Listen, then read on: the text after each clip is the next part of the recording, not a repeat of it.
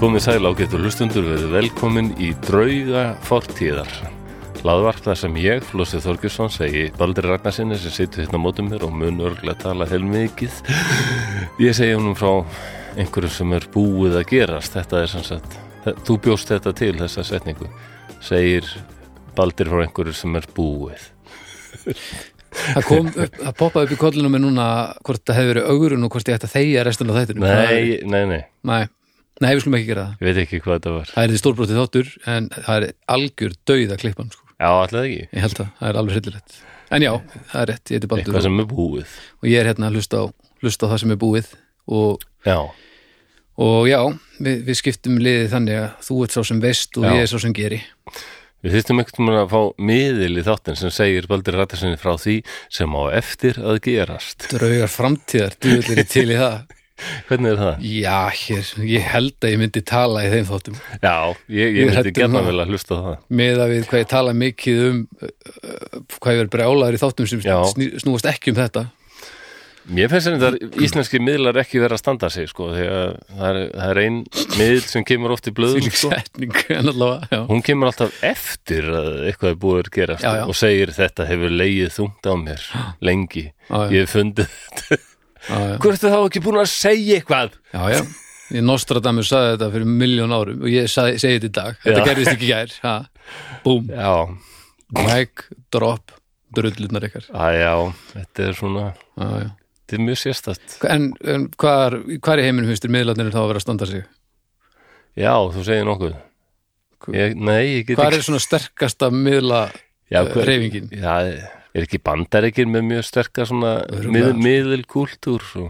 ég, örgulega, en, að, jú, ég hugsa bandarækinn komið mjög sterk inn í þetta Já, Það er vilji til að trúa allavega ég, ætla, ég sá heimildamundum mann þarna Amazing Randy sem dó bara, það er ekkert mörg ár síðan að lést Mhm. Æ. Hárri elli Já, uh, Töframannin sem fór meir og meir að segja þið gerir ykkur grein fyrir því að allt þetta lið er náttúrulega þetta eru- þeir eru að plata, þetta er töfra, töframenn sem komst mjög snemma að því að hann geti látið tr fólk trúa því sem hann vildi Já, og kaus að fara þá leiðina að, að koma upp um þá sem já uh, voru að gera þetta atvinnu sinni og ljúga að fólki hann, já, hann bauð það, það búið stóð lengi hann bauð eina miljón dólara sko, fyrir eitthvað sem geti Já, sannað það, að þetta, var- það ge- gekk aldrei eftir ég man ekki hvort að mynd, þessi mynd var komin á listan en ef hún er ekki á listanum, beint á listan með hana af því Já, að hún ekki- er æðisleg The Amazing Randy og hagnaður fyrir heiminn að hann hafi ákveða að fara þessa leiðin en ekki hinna því Já. að hann var vist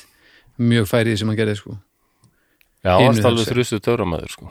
Já, en það, heyrðu það minna að við komið fram í henni um sko, hvað þessir eh, clairvoyants eh, svona stærstu og einmitt aðal í bandaríkjunum Mm. hvað þetta rosalið peningar sem er að velta sko. Já, og svo líka það er ekki nóg að koma upp með það sko að því Nei. fólk, fólk verður að hafa aldrei byggð og trú einhverju og, og, já, það er nefnilega magnaðast sko. og án, ég vil ekki gera lítið úr því en það er samt pínu hella að það sé ekki hægt að finna það í einhverju sem er ekki búið allavega að s- bara sína fram á að sé, að Já. sé einhverju að ljúga þeir sko Það er Allavega svo svipað færðu- með sjónvarspredikara. allavega færa sig á næsta miðil sko ekki bara, Ég- Já, hvernig verið það? þú veist, ekki, vana, ekki vera svo vanafastur og bara, Já. æ, hann, þetta var bara óöfni Ég hef alveg farið til miðlaði, ég og ennþá eftir að finna eitthvað svona Vá, þetta er ótrúlegt, hvernig gæti að vita þetta? Ég hef aldrei upplýðið það. Nei. Samt er fólk hægt að segja mér að þeir til miðlaði og bara Það var nú samt eitthvað skrítið og ég... En ég var mitt að pæli í ef að segjum sér svo að þetta sé alltaf maður rétt og ég gangi aftur pældi í hvað ég verið e- lítið tekinn alvarlega sem afturganga eftir allar yfirlýsingarnir Já. fyrir þáttum að vera svo vandræðalega Já, það verður mjög vandræðilega. hryllilegt, ég eitthvað reyna að hrista einhverja helvitis keður og fólk bara eitthvað Oh. auðmiki, ég er að hlusta þig Já, við talaðum þetta áður, ég bara, vá, ef ég á gang... Ég, menn, ég, nenn, ég nenni því ekki, sko. ég, nei, Ég, líka, ef, ef það er eitthvað líf eftir döðum, þá vil ég bara fara eitthvað annað. Menna, já, hinn Já, var líka ekki bara- eitthvað. ef, einhver, er- ef, þú- ef það er einhver að að elta þig húst, einhver draugur er að, að, hérna, að herja á þig Já, en hann, hann þú veist, sefur bara alltaf átjón tíma og sóluring, þá er þetta ekkert vandamál skilur. og, og restina þá hefur hann sér ekki alveg á stað nei, nei. þannig að ég er alveg til í að hafa þig sem einhvern svona Er það? hrelli sko. já, ég veit bara ég veit bara, þú veist, ég myndi svona já, ég, þú veist, ef þetta heyrist bara, ha, næs, góðu dagur í flosa Já, ég hef nú búin að minnast á áðurinu þáttunum að ég komst að því bara núna í, ný, núna í sumar að ég hafði búið í al, einu allræmdasta draugahúsi Já, í tölum Stikisólmi Já, og, bara, akkurat. og einmitt ég bjó í kjallarun það sem bara upptökin eiga sér stað Já, þetta er bara heimaöllur og ég hitti Melkorku Frankur reyndar sem hérna, bróðutóttir mín sem bjóðna líka herbyggju uppi í reyndar mm. en hún sagði að henni leið, lí- eh, okkur fannst báðum þessi geimsla þarna taldið creepy hún var svona mjög sérstök það var ekki gólf í henni Nei. heldur bara svo klöpp, bara Já, steinklöpp Akkurat af, og það var sagt að það væri út af því þetta væri nefnilega álfasteinn mm -hmm. þeir höfðu ekki getað sprengt þessa klöpp Full geimsla af álfum Það er, þá Já. fær maður skrít já þetta var sem sagt álfar já Já, já, Það er ekki draugur. álfageimslan Álfageimslan Þess vegna Stikisólmi kannski letuður mig í friði að þeir sáu þ- þessi drengur hann er ljósvera við látum hann vera Já, ég veit, já Ég vona að þetta hafi ekki verið stórskáld þeirra álfa sem hendi þessa vísu Nei, þetta- Já, ég, er vera von- og vera Já, já, Vera það og er í mál, vera. ég er álfur Fokk já, já. en já eh, við þurfum að tala um hljóðkirkjuna og Já. styrtaraðalar og þetta er aldrei sérstakur þáttur þú veist líklega nokkuð hvað ég er að fara að tala um en best að vera ekkert að segja það fyrirfram Nei, við, hérna, við skulum bara henda okkur í að tala um hljóðkirkjuna til að byrja með. Það Já. er náttúrulega þetta hlaðvarsbatteri sem er orðið núna hvað? Um, rúmlega eins og hálsors og já, um, þetta er búið að ganga ógislega vel bara og fullt af liða að hlusta.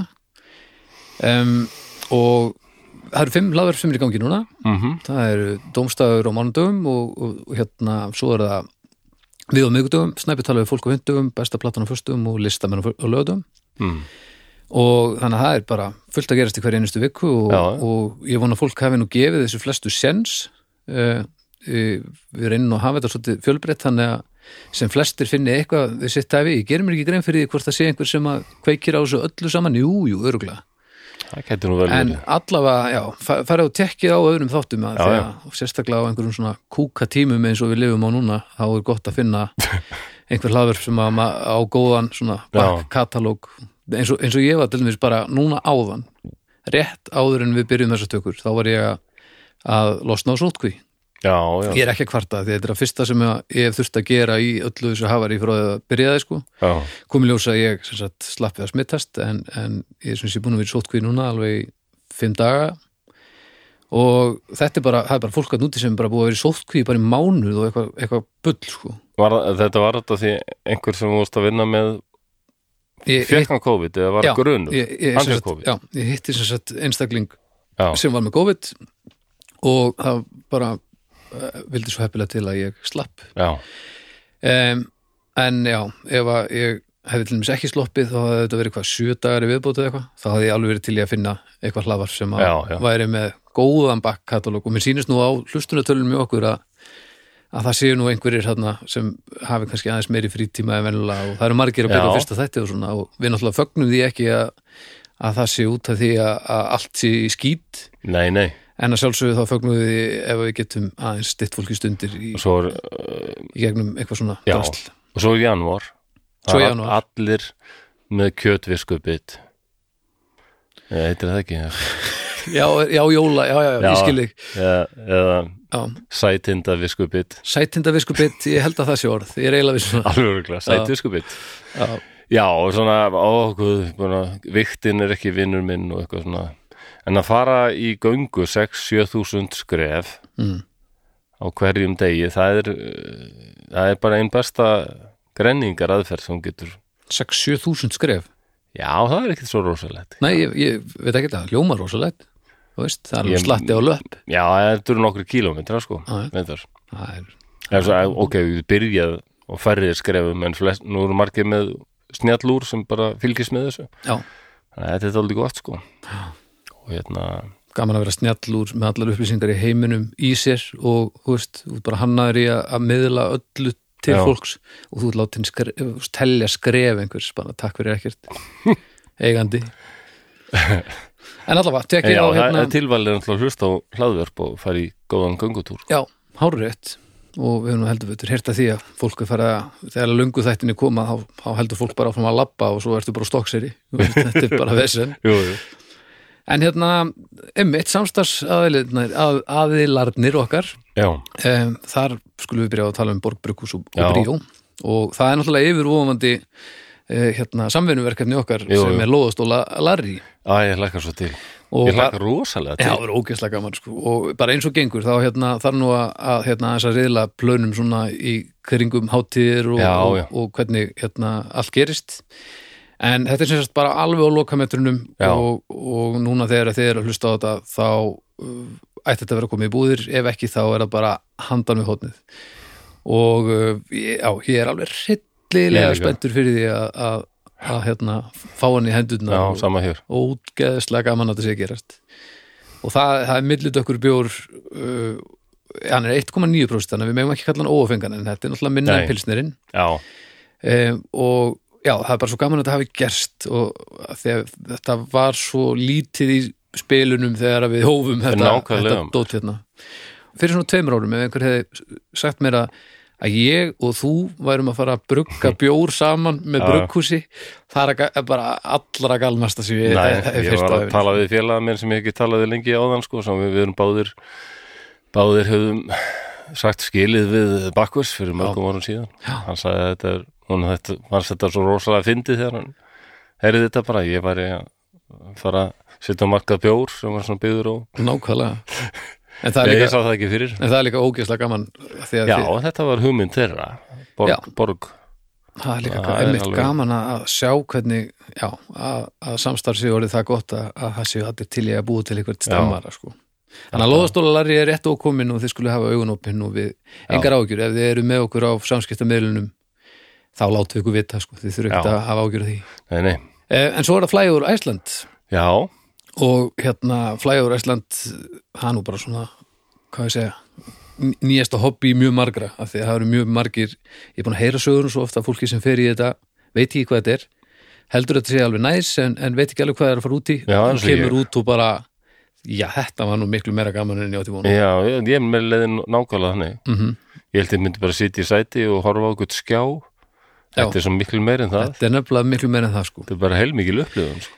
og hérna það er nýsýning í gangi núna hjá þeim sem heitir The Real Wild West Já. og hérna Ég ætla að fara á hana Já. Af Því þetta er eitt fallegasta landsvæði sem ég hef komið ánga sko. akkurat Þannig að sá þú veist, það er bara einstakt land sko. en hérna í, svo- eins og segir hérna í, í skilabúðum sem ég, ég fekk frá þeim í svartasta skamdeginu þá vilja þau gera sýninguna aðgengilegri fyrir fjölskyldufólk þannig að, að það er hægt að fá frían barnamiða með fullurinsmiða sé sem sagt varan krakkar fljúa fritt valin þegar að vera að kaupa miða á, mm, Já, ok á þessa sýningu og þetta gildir sem sagt áflægur Æsland og The Real Wild West út mars Já, já, um, þannig að þið skulu klárlega Já, nýtt kíkið ykkur á það þetta. tækifæri og, og stökkva til og, og hérna og kíkja í fjölskylduferð af Já. því að þetta er alveg lígilega gaman og, og það er mér finnst alveg snildalegt að, að þau séu að að takla þetta þannig að, að fjölskyldur eigi auðvöldar með að, að drífa sér saman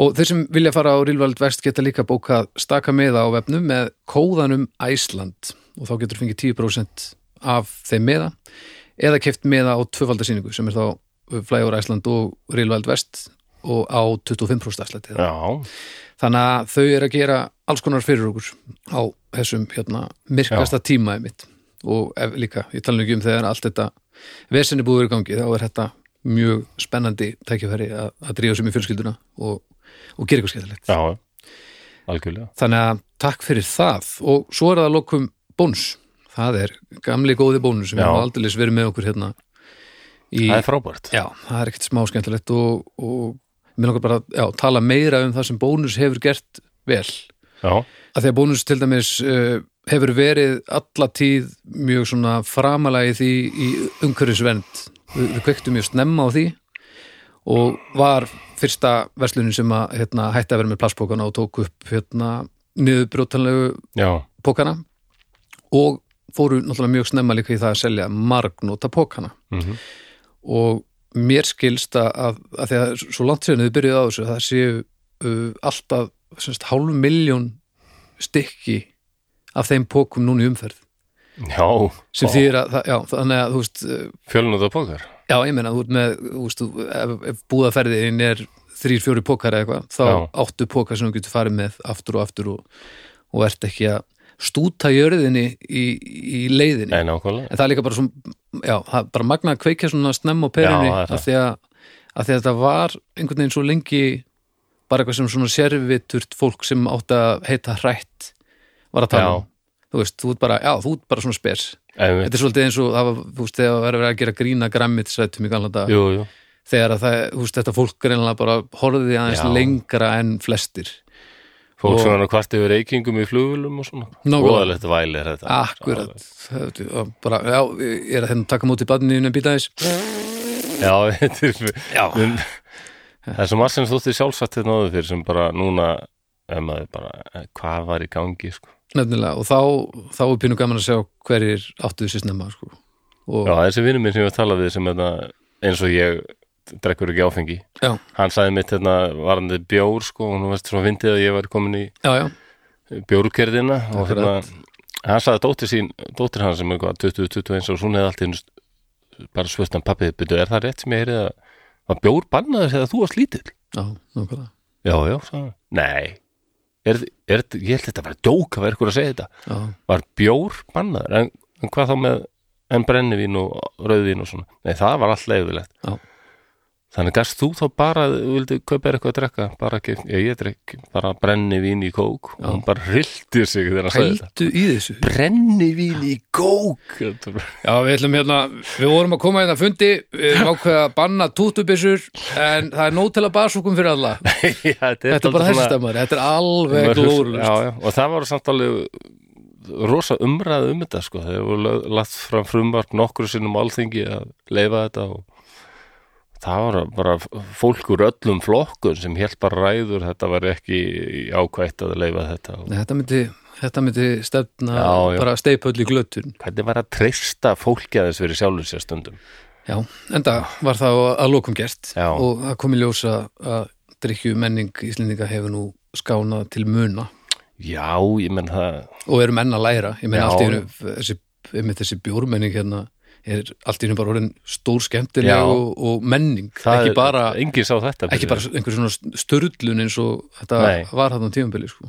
Þannig að- bara íslensku bjórur að fara á ke keppni erlendi Já, vinnandi keppnir hingað og þangað og fullt af brugghúsum og Já. ægilegu stemmari bara En já, uh, takk kærlega bónus fyrir hjálpina Flæja úr Æsland og uh, Borbrugghús og Bríó Eh, Nú erum við að taka upp á kvöldið, þú ert náttúrulega búin að þú ert, ert ekki á lifjum Jú, Já, flott Ég er á setni eh, sem sagt, hérna, setni parts Nú litla- er þetta litli tvær töflur á skammtinn. dag Já, ja, oftast en ég ég er nú ekkert með það sem missjón að breyða sem mest að þessu þannig að ef að ég- ég- það er lítið að gerast setni partinn og ég finna að ég er Já. þokkalega góður þá sleppi ég bara að taka setni litlu Já, já. en uh, eftir hérna fíaskuð með þáttinn hann um daginn þegar ég bara náttúrulega mætti til leiks bara um með þátt ég, ég fatt að það ekki Nei, Það er svona, maður veit Nei, ég ekki hvað er líka- að gera í haustnum og Ég var, öðrum nei, nei, ég var að hamast við að, hérna, hamast við að vera með en það var helviti Nú þetta eru tvær töflur, ein svona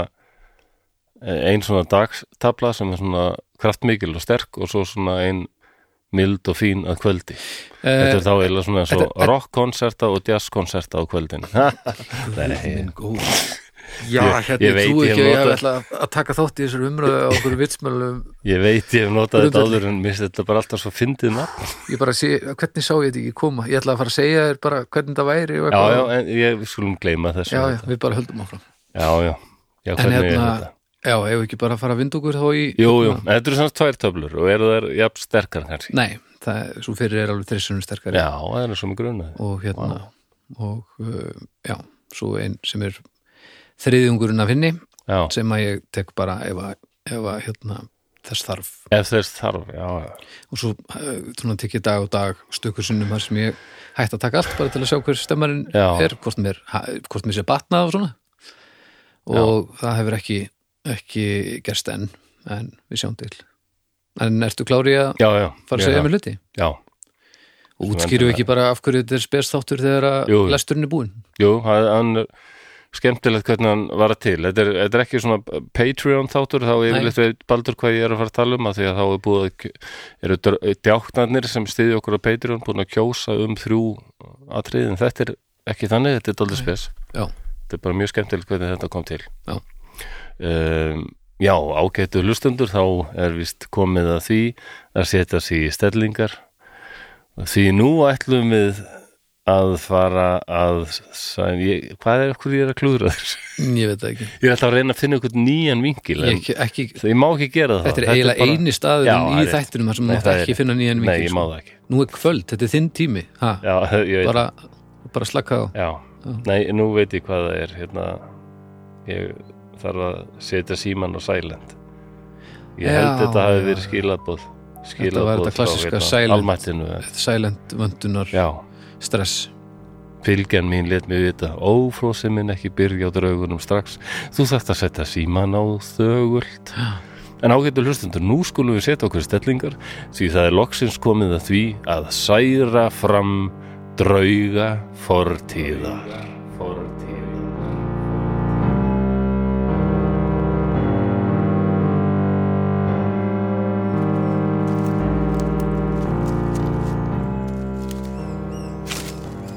Þetta er spennandi.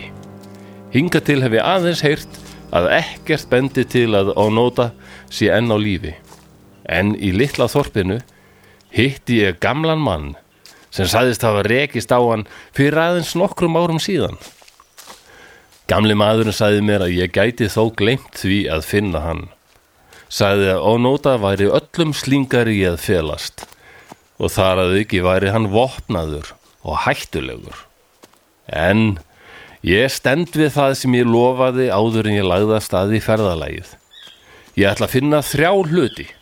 Pandabjörn, í náttúrunni auðvitað ekki í dýragarði, snjómannin óulega í Tíbet og Hiro Onoda.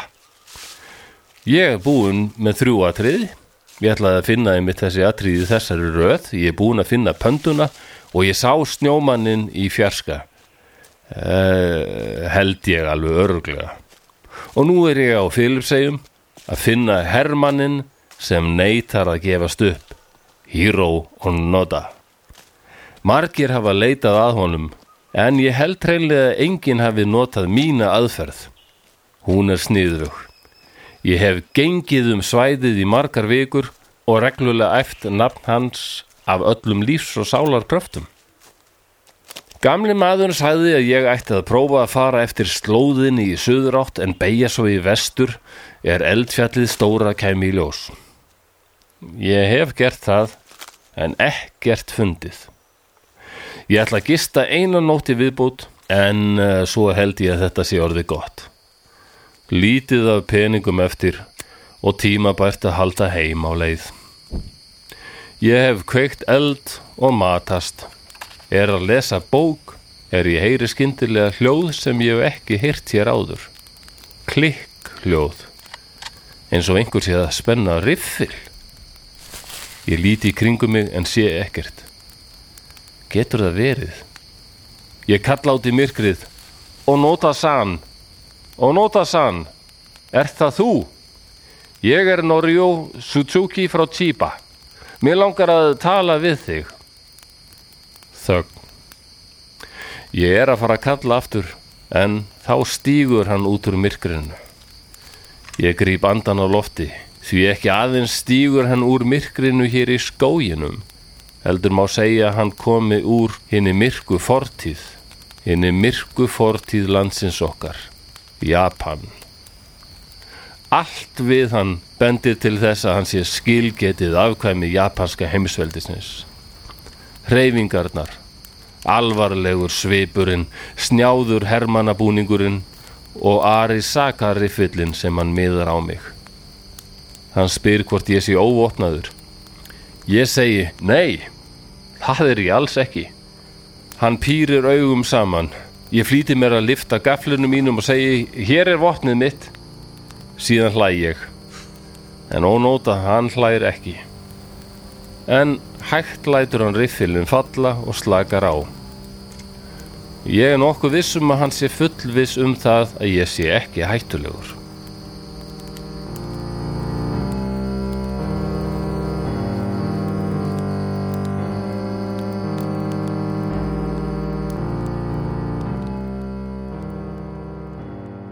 Já, þá er þessu lestri lokið þá eru sem lestur lokið Já, sé ekkert hvernig ég ætti að hafa þetta það er mjög helviti sénsvarn að taka þarna Já, sko, það, við munum nú alltaf að tala dálítið um þennan mann líka já, ég, Ert Þú að ringi mig já, ég heldur bara hringi til þess að láta þið vita að þeir mistúrst að setja sælend Já, hvernig er það, já, ég slögt á Bluetooth Já, ég slögt á Bluetooth ég heyrði bara í- Já, þetta, við lestunum bara eitthvað blúb, blúb.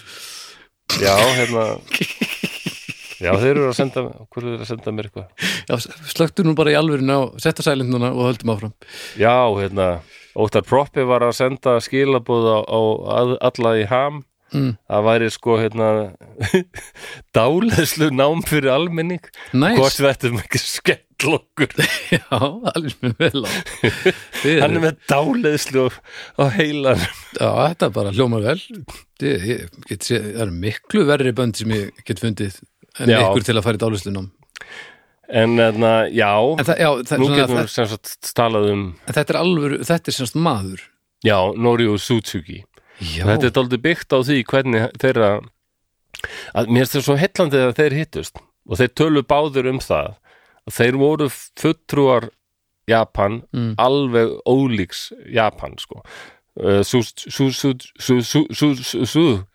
sú, sú, sú Æ, þetta er borið, þeir segja einhvern veginn að Sutsuki, Sutsuki, Suzuki, Sutsuki, já, Suzuki. Sutsuki, Sutsuki. Suzuki. Já, Ef Helga sýstiðin er að hlusta á, getur hún kannski leðir þetta. já, hún getur Norio hún- Sutsuki.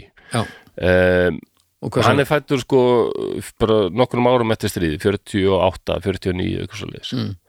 þannig að hann er að þessari 60, sko hann er 20 ára á 1968 eitthvað svo liðs, hann var hippi Já, já, og hann var með sítt hár og Ok. bara svona ásalega slagu gaur og var búin að eyða eða öllum sjönda áratögnum, ég bara ferðast já, sem var miklu erfiðar að þá sko, 60 til 70 já og hérna, ekkert GPS eða neitt svona, bara, en hann bara búin að þælast um alla Asíu Já, og hann sagði öllum að ég ætla að fara í eitt annað ferðalag og ég ætla að finna þrjá hluti í þessari röð Pandabjörn, mm Mhm. Snjómannin ólega og Hero og Nóta þetta er ótrúlegt plan Já, Þetta er það var alveg- vissum að þið fundið hérna, þetta Snjómannin ólega, Já, svo ætla hann að finna Hero og Nóta og hann fann Hero og Nóta áður en við höldum áfram Já, Ef að útskýra af hverju þessi þáttur er sérstakur já, bara, sko það er þessi frábæri umræðuhópur Já, Ég er að mæli indreið með því að ef fólk er á annað báð bara að hlusta og drauga fortíðar Já. eða hefur áhuga bara ymsum svona sögulegum hlutum og ykkur, þetta er orðið mjög skemmtilegur hópur virkilega og eiginlega búin að öðlast aldrei sitt sjálfstæða líf Já. þótt hann sér tengdur og það, þetta gerist alveg með sem hlaðverf eins og ég er í uh, bara vinnum minn beðum mér eins og í umræðu hóp sem heitir uh, Radio War Nerd Já, á Facebook Radio War Nerd er podcast og ég hef aldrei hlustað á það já, En mér já, finnst mjög gaman að vera í þessum hópi já, já, já, fullt af skemmtilegum Já, já, upplýsingum. það er bara fullt af skemmtilega liðir sem er að posta ykkur í finnu og svona og ok. pælingar um hitt og þetta og Já. mér strögar fortíðar umræðu hópur á Facebook vera daldið farin að verða svona sko. Já, það er rétt en og sérstaklega ef, ef fólk er að hlusta þá er þetta bara eh, nærrið til nöðseli viðbóð finnst mér núna Ítarefnið, sko, Já. það er verið að leiðir rétt okkur og svona, Já. það sem þarf að gera umræðu sem skapast út af einhverju sem Já, við blöðurum um og svo oft eh, hendi ég inn einhverjum myndum og frekar upplýsingum og hvað svona, mér finnst Akkurat. það að gleymst að minnast á kannski en 22. desember ég er nú ekkert búin að spyrja hana hvort ég má nefna nafnið hennar, nei, það er kannski líka bróðari Segðu bara frá, hún veit hver hún er já, en þá var hérna uh, kona sem hérna hlustan mikið á okkur mm og postastundum öfrufáttum hún segir frá því að hérna, hún var í strætó með stráknum sínu sem er 15 ára Mhm. að fara frá Reykjavík til Selfoss Já. og hann áttar sig á því að hún er að fara að hlusta og drauga fortir á leiðinni fortíðar já, og hún segir að hann hafi dæst og sagt byggjandi mamma please reynda hlægi ekki svona mikið á leiðinni eins og heima mm og Þetta geti allir tengt við þetta já, allir ekki Á einhverju tíum búti í lífinu og til að, já, og sérstaklega þegar maður er 15 ára finnst mann svona mamma og pappi, þetta er aldrei miklu lúðar sko. Já, já, og hún sagði, hún er, og í strætóferðinni þá var hún tvisvar búin að fá ílt auga frá honum og þau voru bara komin að hveragerði mm en ég hugsaði bara 15 ára strákur, hvað hann á alveg að hlusta drauga fórstíða líka mm. ég veit um alveg, muna, frænka mín sem er 15 ára hún hlustar alltaf reglulega á okkur sko vill ekki missa neinu þetta Nei. og ég spurði hana, herðu, spurðu hann bara þennan dreng, hvaða efni við getum tekið fyrir sem hann hefði áhuga á að heyrum Mm og það er alveg frábært sem hann kemur með það er þetta þetta hérna, þetta er svo ævintilega vel valið sko. Já, þetta er frábært Hans, að, hún segir bara, hann segist hafa áhuga á að heyrum hermennina eða mannin sem gleymdist að segja þegar setni heimstyrjöldinni lauk og hann hafði verið á einhverju eigu í einhver ár. Hans orð, ég veit ekki meir Mhm. og ég veit ekki eins og hvort þau eru búin að taka þetta fyrir. Nei, Hún á einhverju þætti eftir, við erum ekki búin að taka þetta fyrir, alls ekki það er til núna. og þetta er frábær hugmynd Já, Takk ég fyrir vissi að nú bara þessa- alveg hvernig hann var að tala um eða hvað, þetta eru ég ákvaða að taka þetta daldri lengra og eitna, hún segir að hann muni hlusta á þetta og alltaf upp með sér og bara fá þarna heilan þátt Já, það er bara sjálfsagt mál og vel valið Þetta er nefnilega alveg briljant Já.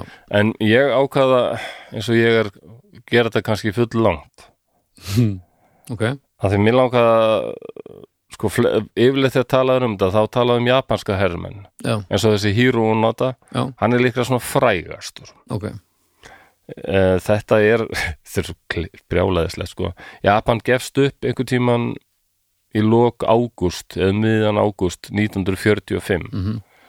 en Hiro og Nota hann gefst ekki upp fyrir 1974 Na, standa vaktina pældi ég þessum já, hann Það var er ekki einn, rosalegt. það voru fleiri Japanir sko Já, alveg og, og miklu fleiri ok En býtu, og það menn það heyrðust sögur sko eftir þetta alveg meira 80 og eitthvað þá var heyrðast sögur um það að vera ennþá einhver staðar japanskir herrmenn sem neituðu bara að snúa aftur heim og berðast keisaranum og svona en ok, förum, förum núna aftur þar sem við vorum stattir ok, um, Þessi maður fór í ferðalag Ævintýra maður, hippi, já, síðherður mjög heillandi karakter og ekki, ekki af sama skóla búin að finna pönduna já, já, og búin að finna uh, snjómann Óla já hann telur það á allavega færi ekki, já, og, og ég til hann var ekki með mikla sannanir ætlaði ekki að mér nei og hann fór aftur til að reyna að finna hann aftur hann var greinilega ekki alveg, líklega ekki alveg sáttur við fyrir því, já, Ah, ok, ok, hann var svona langt í burtu sko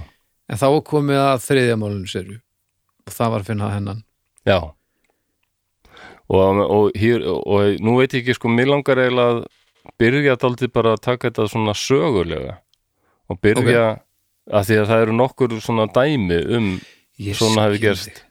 já, ég ætla ekki að Mér langar reyna að taka stjórninina fyrir byrja, í, geðu byrja reyndar á Filipsegjum Ok. aftur en á 19.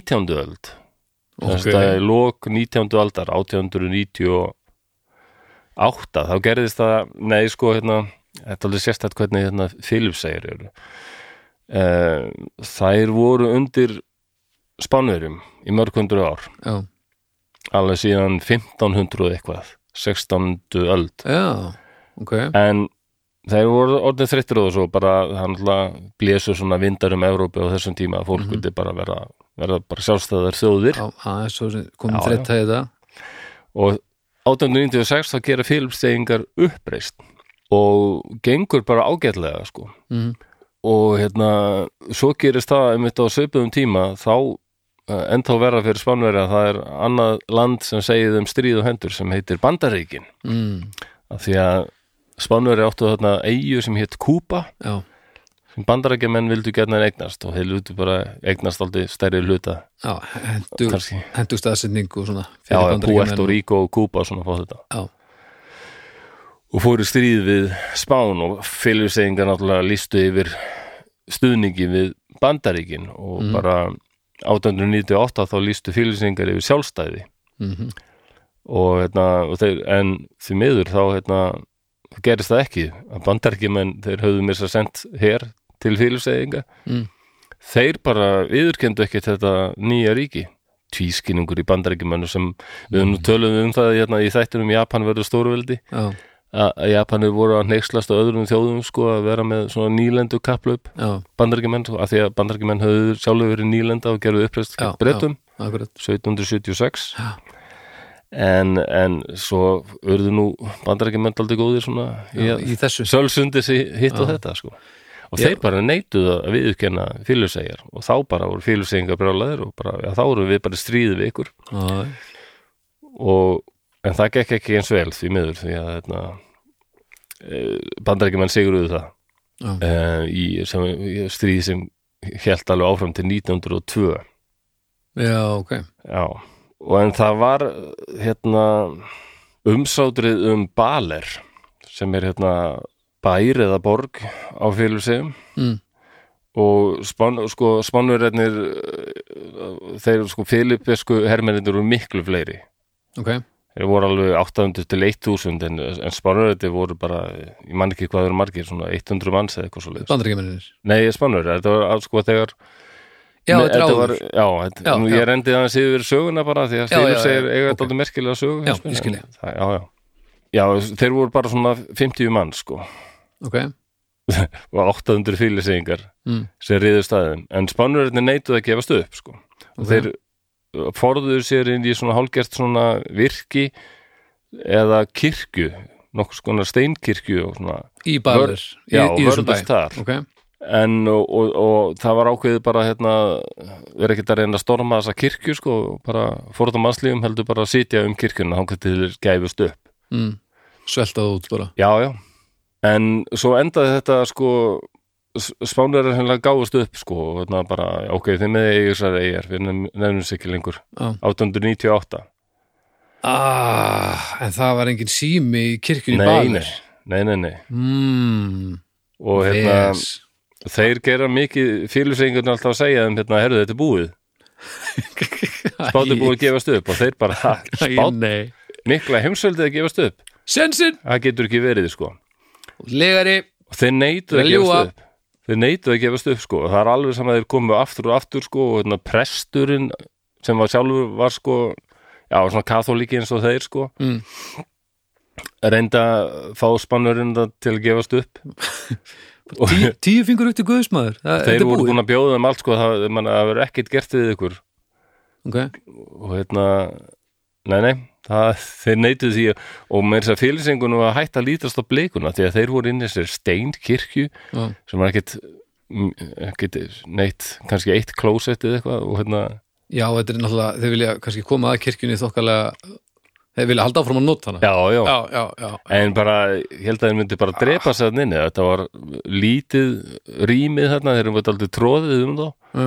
og svona heitt og rakt og svona og þeir vo- voru eiginlega að verða búnir með allan mat og svona sko. Mm, og þeir voru hreinlega fannir að verða veikir sko. Já, já, já. og hérna allavega það voru 14 sko, þeir uh, liðu 145 dagar og þeir neitt að gefa Eh, stöð Nei, og þeir trúa því ekki þetta sé, stríði sé búið og s- og 14 þeirra eru dánir ó, nei. og hérna það var ekki fyrir sko að Amerikanarnir komuð þarna og þá voru Amerikanar og fylgseðingar konir í stríð að Amerikanar ákveðu um að bjarga þessum spánurum sem er þarna Já, og, hérna, og spánverðinni samt ótrúlega seglaði eitthvað hérna, að þeir, þegar þeir eru búinir með matinn sinn já. þá hérna, veitu þeir krákur og snigla og alls kyns eðlur sem kom að inn Ok, krákur, og, ketti, krákur eðlur og ketti, ég skal gefa þér það en að veiða snigla, ég er ekki tilbúin að gefa seglustíð á það. sko. nei reyndar ég skil hvað við, en að borða þá er það ekki ákveðin segla bara snigla Ekki- bara að borðinu Ef þú spyr Það var frakka, hérna á þá gólfinu. er ég nú ekki vissum það. og hunda líka, Já, bara bjarga sér spesifík. já já En það kom aldrei til mannáts eða eitthvað svo leiðis? Nei, það gerði það ekki, sko. Já, en Að það var ekki, sko meiri segja það var meiri segja, svo fenguðu þeir hérna spænskan fóringi meiri segja, á, til að koma háttsekkan sem kom hérna sko Æ, og þeir bara nei, við trúum þessu ekki þetta er alveg trillt sko, hann kom mér sem með hann kom mér sem með sko blöð, nýlega blöð Já, ég meina þegar þegar þú ert búin að býta eitthvað í þig og þú ert búin að fara full forsiða og, og, og hérna uh, fólki þetta er að deyja í kringu þig þá er svo er Já. þetta að bakka sko. þeir trúðu þess ekki, þeir sem þetta er bara hvernig vitum við þetta sé ekki bara fölstuð blöð þetta er alveg magnað þangað til að leiðtóði spánárinna sá allt í einu í einu blöðunum eh, frétt um það að einhver maður, einhver hátsettur maður var að fara að gifta sig hátsettur herrmaður Mm. og hann þekkti hennar mann sko og hann vissi að þetta stóð til Já, já, Þannig já, að- já, já. þá allt í einu fór hann að hugsa kannski er þetta Kannski er þetta alveg blað þannig að þeir gáðust upp Býtu, hvað voru þeir búin að vera lengi? Vá, Þetta er daldið frægt sko. býtu, þetta er fjóru og hálfu mánuður sem að, með þú svo sagðir áðan Já, þetta er Eitthvað eitthvað svoleiðis. svoleiðis. Það, Mér finnst og þetta svo klikkað sko. líka, þetta er ekki, það er ekki, hefur ekki beintur vandræðalegt að, Nei, að nei, átt að sjá þessu. Nei, það stendur hérna þessi Þetta umsóttu stóði yfir sko frá 1. júli 1898 til 2. júni 1899 Ha, Þetta er ótrúlegt voru það 11 mánuður? Já, um Ok, þá er- hefur pínu vandræðalegt. þegar maður- 337 daga Ó, ok. Þá hefur pínu, náungi þennan fatt að hann tekti náungan, hann hefur örugglega bara svona, ó, á ég, ó, á ég að segja þeim? eða?" Já, en hérna Jú, ég verð að segja þeim. er það Já, ekki? Ó, þetta er svo vandræðalegt. neða, það voru allir orðið daldið hrifnir að þeim En maður, að, ég meina Af þeim? Já, Já, bara fyrir sig, fannst bara þetta segluvæs. Já, bara, al- þetta eru alveg herrmenn Að ég segja þér hver var ekki hrifin af þeim?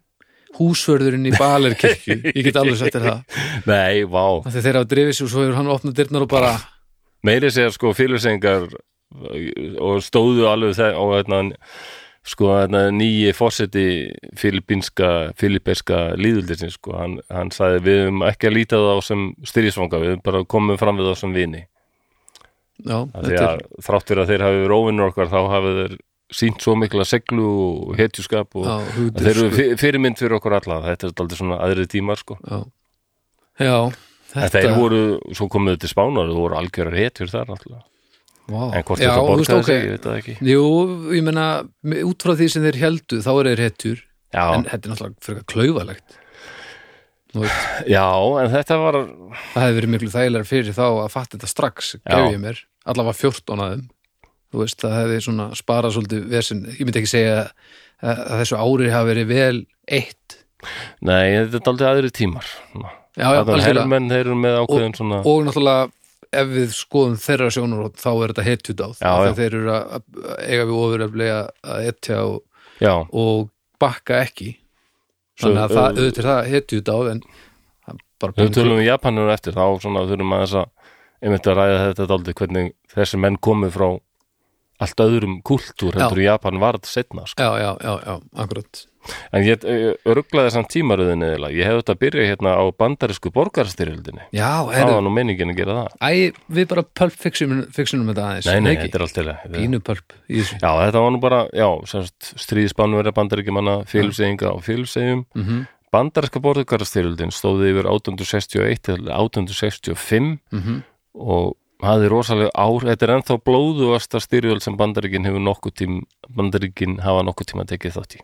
Það var aldrei látið sér mærkir bandaríkjumenn í neinu stríði. nei, það er kannski að því að, að þið, þetta voru bara þeir eiginlega Já, bara, bara allir að drepa alla Já, já. og, og, já bróðir, gett bróð, bróð, þetta, bróður. þetta hefur verið alveg Já, það eimir ennþá eftir að- trúlega súrt dót sko. Já, það verður aldrei úðalegt sko. já, En það bandaríkin búin að vera sjálfstæð í nokkuð tíma og þá bara strax í borgarastíðu sko. já, þetta er rauninni þú veist, þetta, við vorum að tala um, náttúrulega um Norður Írland hinn daginn, þetta er svolítið svona, Já, þetta er svona þar sko. var þá ofbóðsli sundrung og þetta er samt meira þetta er meira bara landsvæðis málið eða hvað Jú, og svo náttúrulega snýrist þetta daldið, menna íslensku var þetta oft kallað Eh, þrælastríðið, já, sem náttúrulega bara íslýtingar sem kallað þetta það. já, En það gerir þessa deilu daldið merkilega, finnst mér.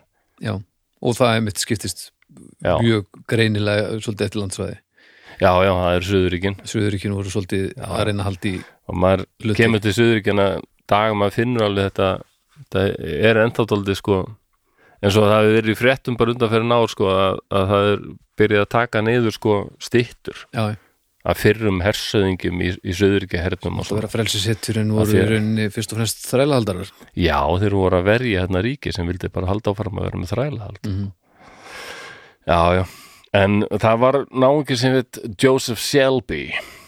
Hann var söðuríkjamaður. Það eru- voru nú sko, söðuríkjamenn voru alltaf, þeir voru með færri menn Mm. verð vopnum búnir en, en bættu upp fyrir það einhvern veginn með sko óbásleiri hörku, börðast Já. að mikillu hörku og svona hugkvæmni og svona s- sveita sterkir já, það var S- setja nýðið í þetta fólk Já sko, og Joseph Shelby sem var hérna hersöðingi hann, hann vildi bara sko, hans sveit var með þess að kölluð The Undefeated okay, já. já, The Undefeated, okay. hinn er ósegruð Ó, ég ætla rétt að vona Já, hann vildi ekki gefast upp Þú vona að það ekki startaði sjálf Það verður svo fyllilega vandræðat hver veit sko, þetta er eitthvað svo amerista geir með, og ekki með ekki, ekki, nef, ekki með sko setna breytist þetta þeir voru líka kallaði sko The Iron Brigade Wow já, járndildin að þeir Járndeildin voru bara svo grjótarðir sko þeir Járndeildin neituð að gefast upp sko Og þetta virkar ekki í íslensku maður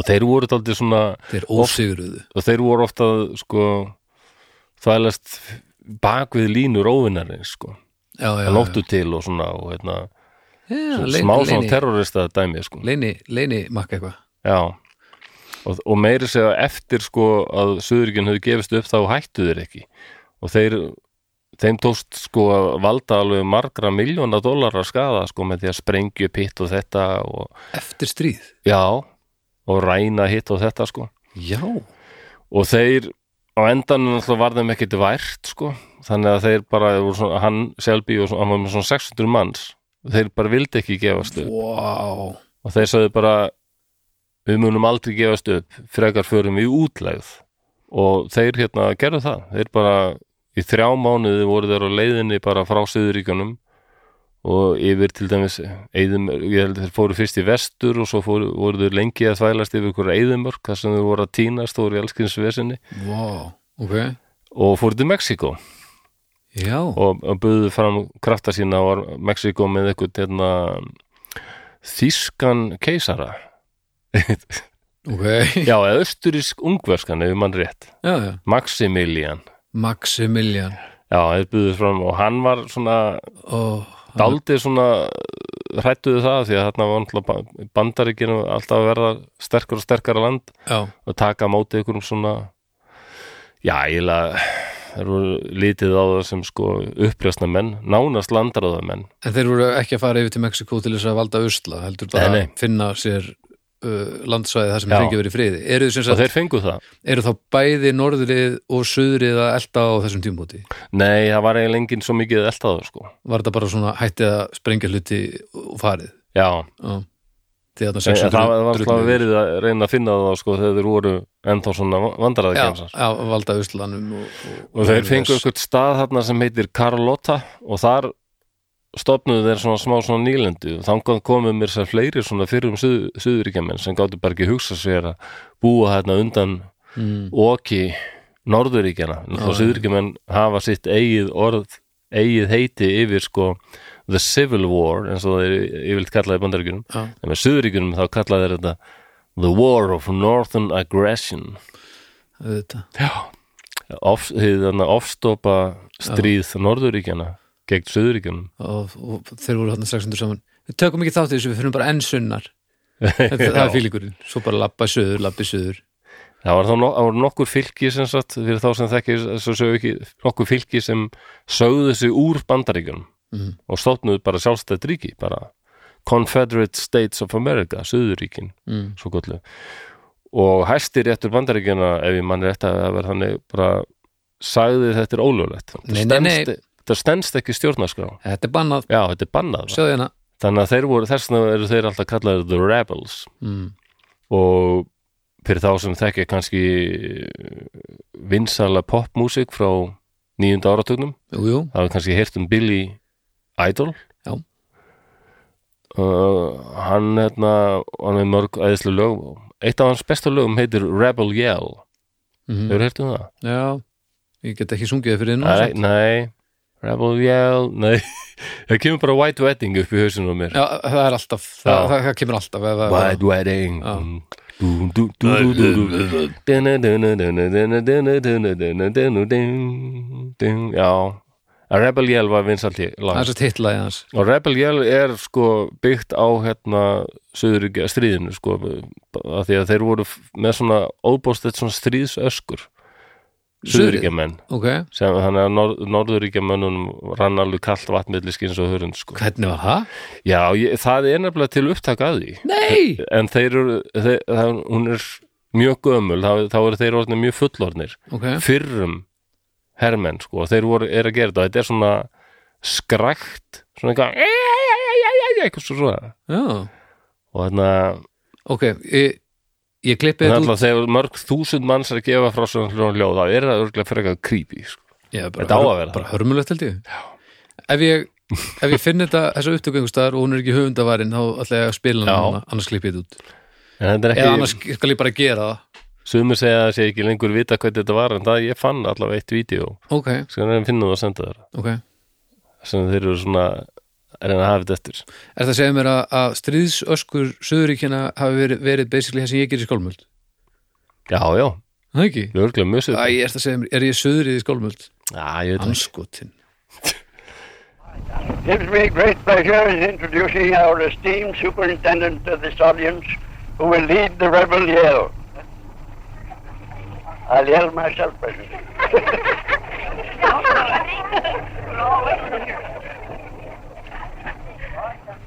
Ladies and gentlemen, I have the pleasure of announcing to you that we are going to make an effort to repeat the old rebel yell. One, two, three.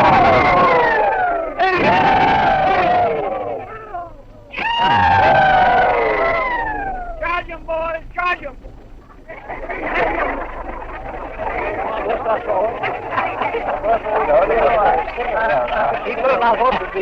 We'll now give you the individual there, Captain James Dinkin.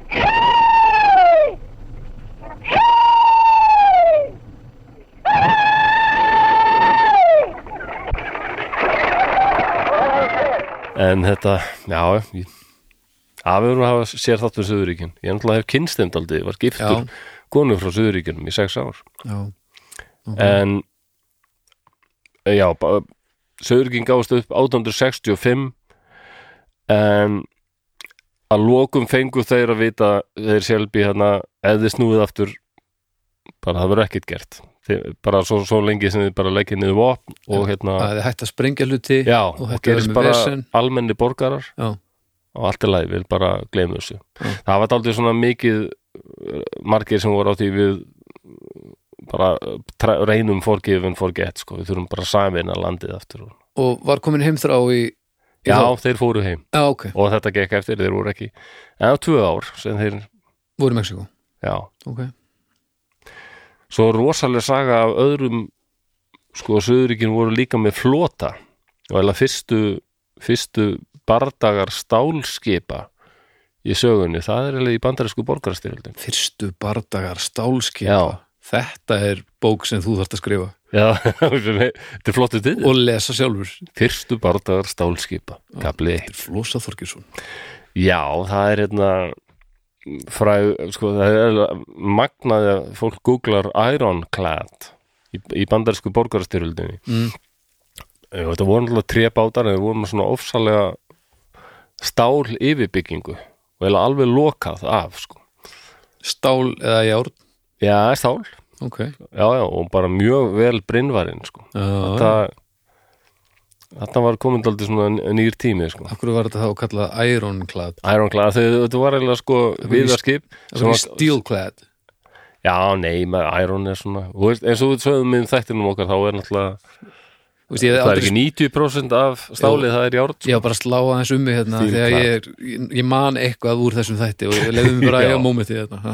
ég er bara Já, pínu þetta- brjálaður en það er aðalega síndan með en hvort er meira cool, Iron eða Steel stáli miklu Er svalar en það? járni já Sta... eh, en já, járn er Nei. eitthvað svona natural sko. já, þetta er reyndar ekki rétt hjá mér sko en, en stál er málblandað já, já, ég skil Meina- hvað þetta fara þjóðir voru ekki að gefa neinum stálkrossin Nei, en ef þetta, ef þetta hefði verið úr, úst, vörnin hefði verið úr lofsteini þá hefði þetta verið gett svolt en, en ef þetta var bara einhver mullingur Já. eitthvað, þá var þetta, þú veist en allavega, en af hverju erum við ekki bara með álkrossin þegar við erum sem ekki álframlegslu hey. Álkrossin? Já. góð spurning Já, Sinukrossin, og akkur erum okkar aðsta medalja heitir eftir einhverjum ránfugli sem eiginlega allir íslendingar er alltaf hatað. já Nei, ég veit það ekki hvað, Dretur æðarfugl og rjúpur og svona. já, hvað myndir við vilja Hrafnin, engi spurning. Order of the Raven. en það, Já, já. lundaorðan er held í Já, það er framtíðin endar ósalega, hann kemur sterklega til en greina. fílsorðan og fórsetin ælir á því þegar þú færa með er það eitthvað? Það, Það væri, Heyrðu í landkyn, guðna. það væri ákveðin landkynning heyrði ekki guðuna Ég held að það myndi alveg komið síðan en Já, já, já, ég einhver- skal berið upp við um að gera, fekk á þessu það um, Já, það var þeir keiftu skip reyndar, það var ekki svona ironclad, það var bara seglskip okay. þeir keiftu skip frá breytum í, hérna, og settu það í sjóin oktober 1864, það var nú ekki mikið eftir Nei. Nei. stríðinu og skýrðu það sko Shen- Shenandoah Ha. Shenandoah Shenandoah, svo mikið af svona nöfnum sérstaklega í Suðuríkjunum og eru, þetta er látið eitthvað úr indjánam allir sko, ja, frumbyggja ásaki. já, og þeir áttu bara að finna eh, skip bandaríkja, bandaríkjana mhm Union Já.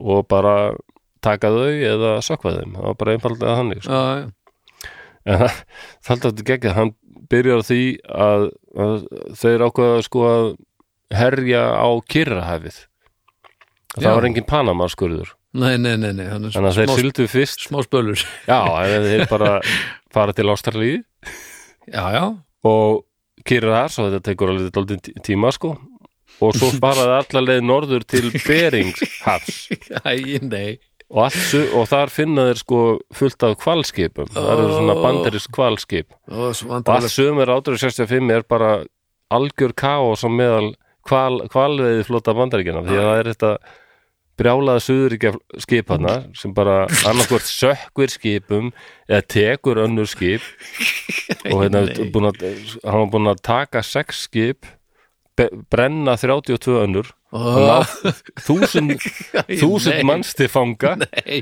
en hafði enga hugmyndu það Ó, þetta er svo að sætt. stríðinu var löngu lokið.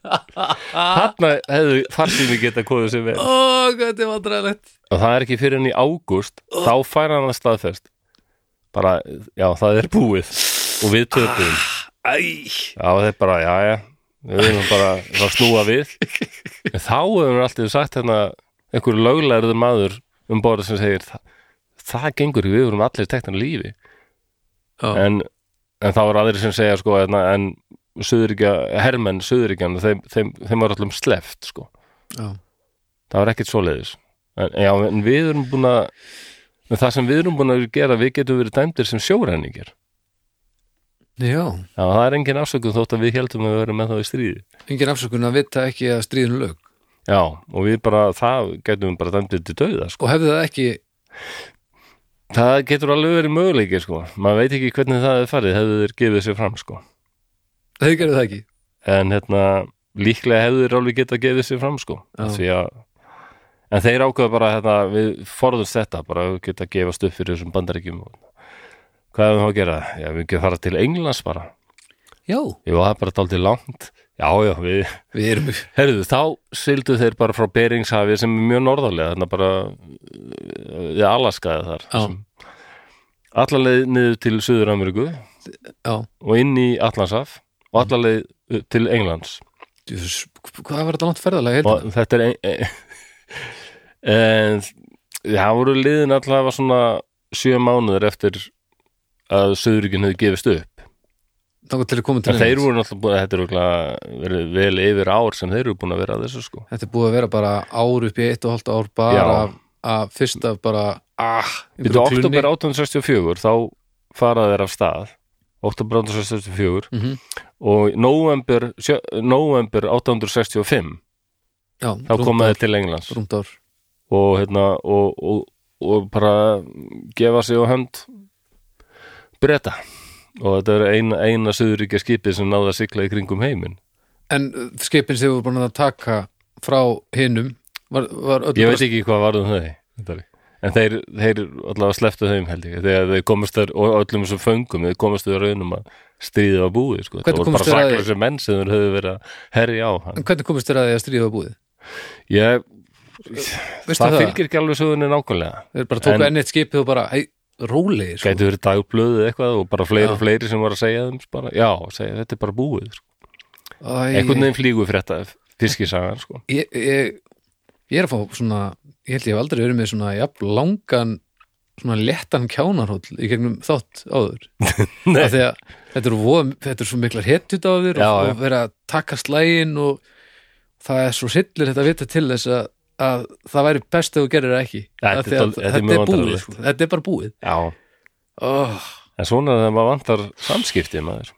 Já, já, Við vorum með þátt líka sem heitir Ráðagóðu rússarnir. Þar var töluðum við um til dæmis rússneskan kjarnorku kafbót og þeir vissu ekkert, þeir heldur virkilega að vera bara stríð akkurat, sem hefði brostið á, þeir voru ekkert sambandi við eitt en eitt sko. akkurat, akkurat það undir þannig ást, aðstæðum held ég að fólk verður oft aldrei svona nájað og stressað Já, en ok, ég ætla að færa mig í fyrri hefstöldina uh, 11. november 1918 ok, klukkan 11 er ok, sagt alltaf okay. já, klukkan 11, Það er 11. þetta muna. november Það er 11. mánuðin 1918 þögnuðu allar byssur og vikstöðunum Evrópi, ein, eitt ræðilegasta stríð sem bara hefur verið háð í Evrópu þar sem Mhm. bæði mm. brettar og frakkar mistu miklu fleiri hermenn heldur en í setni hefstöld Já.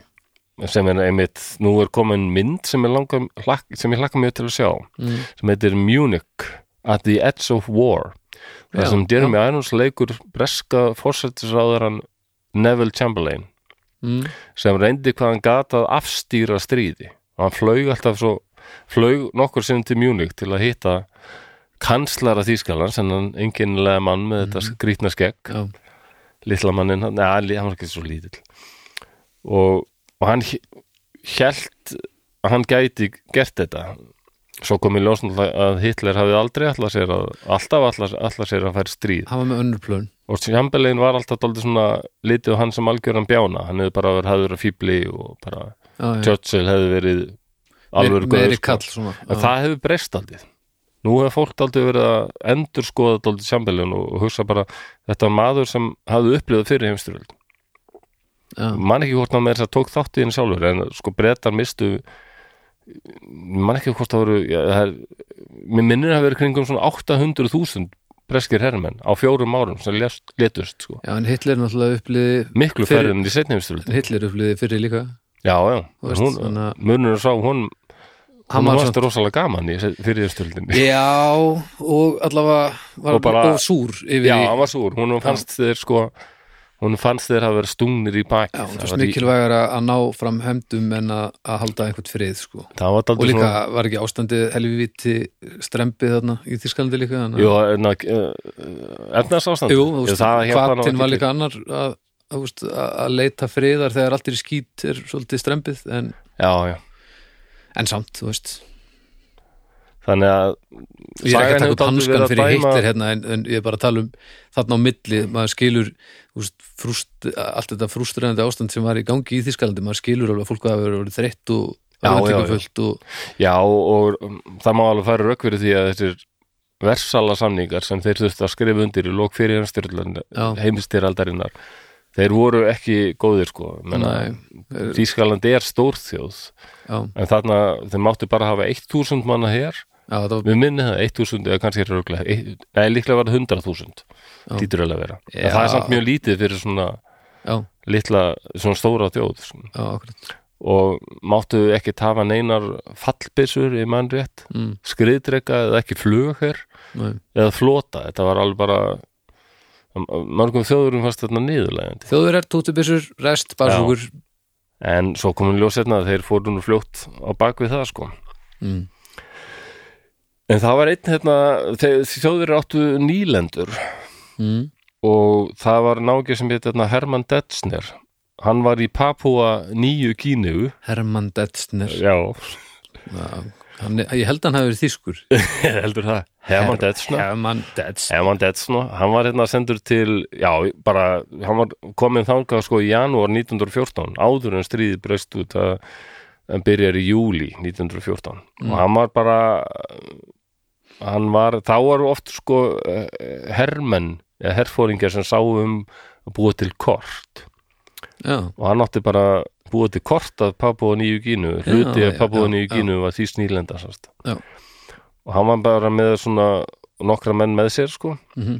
og var bara inn í frumskóðinu þegar hann fréttir að stríðið hefur brotist út ok, og hvað gerir Hermann? en hann komst bara að því þegar þeir ætlu að, að fara bara aftur til eh, baka til uh, í eitthvað bæ þarna Mhm.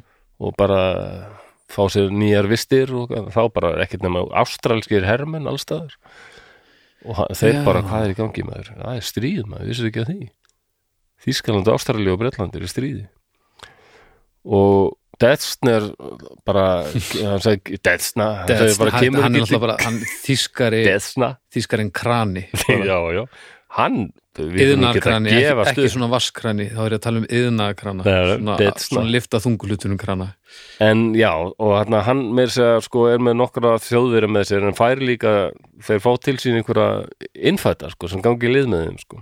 já, Og næstu fjögur árin þá bara leyndust þeir inn í frumskóginum og það voru sko trúbóðar hérna sem voru að reyna að kenna hennum innfættu hvað Jésu væri góður og svona. þú það var þeir orðið hissa Já, þeir reglulega gáðu þeim mat og, og svona eitthvað, Já, einhverja vistir. ok, Og já, ok já, það er ekki f- fer ekki miklum sögum að því að þeir hafi getað haldið upp einhverjum bardögum eða Nei, eitthvað. nei, ok, en þeir já. yttu alveg að gefast upp sko. já, já, ok og voru alltaf með sko, þýska fánan uppi hvert sem þeir fóru sko. já, já, þeir reyndu tóldi að komast yfir í nýju kínu sem var t- tilheyrði Holland, Hollandi Mhm. en það gekk illa en þeir voru búin að þvæla svo rosalega mikið um um hérna eiguna, þetta er nú stórt land sko, Mhm. að hann var eiginlega fyrst Evrópumæðurinn sem bara sá stóran hluta já, já. af þessu landi sko. Og, en dittsa hann alveg kortagerðina eða held hann því áfram samlega hann, hel, ja, hann, hann gerði það vist áfram líka já, Ah. not, nota ferðina maður en svo lærði hann að- svo frett hann að stríðinu, stríðinu enda og þá og Þýskaland það gefi, gefist upp og þá hérna á endanum janúar 1919 Mm. og nómber desember, já, já tveir mánuður Mm. þá hérna labbaði hann yfir til Ástralana og gafst upp en að vera inn í frumskóðinum í öll þessi ári ég veit ekki hvernig þeir fara þessu sko. Nú, þetta er, þetta er líka segla Já, þetta, þetta er einhver annar tími, annar hugsunarháttur hérna hjá mörgum maður. Já, finnst mér. en maður náttúrulega líka Þú tilheyrir einhverju veldi En ef þú- frekar en að þú sést sjálfstæður maður en ef þú eigðir svona miklum tíma í einhverju landsæði þá náttúrulega, og tala ekki um með, hérna, með innfætta með þér í liði þá náttúrulega lærirðu að, að hérna, Já, lifa já. af þar sko Já, þú já. Klálega og sérstaklega ef, þú fæ- ef innfættir hafa verið með þeim þarna, þá Já. náttúrulega áttu, áttu töluvert þúsundsunum meiri sens að lifa af heldur en Já, það er líklega engin spurning Það er ekki mikið um þetta í setni heimstöldinni Nei. Það voru einhverja sögur um að náttúrulega við hérna vorum með þátt sem heitir Orustan undarlega og þar talaði ég aðeins um það voru svona Waffen SS sveitir sem voru svona fanatískar mm, því að hefðu þjóðverjar eða nasistarnir haft aðeins lengri tíma Mm. þá hefðu þeir líklega geta verið komið með daldið góðan og stóran hóp af heila þvegnum ungum mönnum eins og Japanir voru með, bara Já. degja fyrir keisaran og, já, já, og bara fórna sér sko, ég menna bandarsku hermennir fylgtust, bara hryllingi þeir voru, sáu sko japanska hermenn kom hlaupandi Mm. og þeir sem voru fremst, þeir hendu sér bara á gattavýr já, og félagar þeirra hlupuð yfir þá þetta var bara þetta var hluta þessu eins og ef við myndum það var bara svo mikil heiður að deyja ef ég og þú á þennan hátt ef við þurfum að komast yfir gýringu já. hvor okkar hendir sér á gýringun og hvor fyrir yfir ég myndi ekki vilja henda mér að kerningun og ég myndi ekki vilja að þú gerði það heldur. Nei, ég nefnilega er heldur ekki til í að en sko ef annar okkur þarf að gera það já, er þú til að gera það? ég er náttúrulega já, það myndi nú líklega vera ég held ég, þegar þú um, þú ert yngri og þú ert tvö ung börn Já, þú ætlar bara að þanga þjá já, já, en maður þyrst að Æ, meta þetta einhvern veginn Ok, þú ert mjög, ró- ok, þetta er falleg hugsun sko ég veit ekki en svona hefði fólk hugsað aldrei þetta stýrast allt um einhvern, veginn svona, einhvern heiður og tilheyri einhverju heimsveldi frekar en að vera bara frjálsmann vera Já Æðri tilgangurinn maður maður þarf að sækja hann þar sem maður byggðist en þegar í setni heimstöldinu þá hérna var hérna áætlun hádegen búin til Ís, hjá þjóðurum hádeggan, djöfull er þetta eins og einhver ísframleysla eins og eins og einhver svona ísframleysla Hagendas og Já, Hágenden á og... meinar ekki nema það að þetta gerist á svæði það sem er alveg nú mikið um ís þessi merkilega eiga sem við höfum nú oft langað að fara til sem heitir Svalbarði Já, en þá eru 11 mann sem hérna fóru til Svalbarða í september 44 Mm. en þeir voru ekki beint her, jú þeir voru tilherðu hernum en, en þetta, og, og þetta var alveg ósvalega leynileg aðgerð en þeir ætluðu sko að setja upp veðurstöð þarna og reyna sko að fá hérna senda veðurskeiti Mhm. og, og átta sér betur á veðrinu á norður allarhanssvæðinu hvenær er þetta, segir við? þetta er semst í september 44 Já, já, og þarna er allar þessar, þessar fræðu konvoi skipalestirnar sem fara frá bandarækjunum og koma til Íslands oft Mhm. fara frá Íslandi síðan mjög hættulega leið, alla leið sko norður fyrir Noreg já, já, já, og, og til Múrmansk í eða borga í Rúslandi Já. með vistir og svona til að því að rússar náttúrulega sáu gerðu mest af því að reyna að berja niður þýsku vigvélina og þurftu að fá trukka og skrúfjörn og allskistóta alls konar dót til að Já. vinna með Já, akkurat og hérna þetta var mjög hættulegt sko hérna, hvað heit eh, hvers son er hann aftur Magnús hérna, oh, svo, Hmm. svo vondum við nöfn hann heitir Mag... Já, skefing, nei uh, Dauðin í Dumshafi hvað er það, ofurðið þetta namnið hans eða ha, Mag... hann Magnús Þór Hafstensson hefur skrifað nokkra bækur um Já, já, já, já, þessar skipalestir og líka kafbóta hernað e, þjóðverja og svona þannig að þessar skipalestir náttúrulega kafbótan er alveg eh, sátu fyrir þeim og reynda að sökka sem mest um og flugvilar líka og þetta var, þetta var mjög hættulega leiðir já, þannig að þess vegna var það nú mikið lind og lind og setja upp þessa stöð þarna já, já, ég sk- maður skilur það Já. En þeir síðan fá þeir skila, ykkur skilabóði mæ 45 sem eru svona uh, í gegnum eitthvað voðalega svona trublanir. Uh, Mhm. kein Krieg uh, Hitler ist dot, tot Ó, bara þetta, er svo, Hitler dáin þetta er svo mikið svona, stríðið búið þetta er svo mikið svo, svona, já, Já, léli þeir- bíómyndar Já, þeir eru bara, ha, viltu endur þakka þetta? Og þá bara og þeir, þeir bara getur það verið Þeir vissu nú mjög líklega hafa þeir- þetta ekki, ekki, kannski ekki komið inn eitt rosalega mikið ofvart Nei, þetta var orðið svolítið upp Já, í mót ég held það hljóti upp í mót fyrir, fyrir En þeir voru aðalega nasista. bara þarna voru þeir bara eitthvað staðar á Svalbarða Já, það er og ekki vissi frá, ekkit hvort það kæmi eitthvað til að sækja það það er ekki besti staðurinn í heimi til þess að tapast í að vera stattur þar Nei, og þetta, þeir voru næstu fjóra mánuði sko uh, þá voru þeir náttúrulega berjast við bara snjóstorma, ískulda og, og hérna alltaf st- st- mikil hætta á ísbjarna árásum sko hmm. og þeim leist ekki á blikuna það var ekki fyrir í september 45 þá hérna, og þeir voru alltaf að senda út hérna neyðarkall og það Já. svaraði aldrei neitt Bara, hei, við erum ennþá hérna En þá hérna, eru norðmenn sem heyri í þeim og það eru selaveiðimenn sem eru hérna, nálætt og það tekst að hafa sambandu þá þess að við fengjum neyðarkallina frá Solbara og þeir fara, á- fara og þá bara eitt af þess að þýsku herfóringi hennar, Vá, vísindamenn og hvað allir með, það- náttúrulega með velbyrsur og, og riflað og allt svona. Þú vildur að vera skrítið maður Já, allir skrítið, ykkur eru norskir selaveiðimenn og voru þeir að senda út neyðarkall og þeir náttúrulega bara, já, við, við, við gefumst upp Já.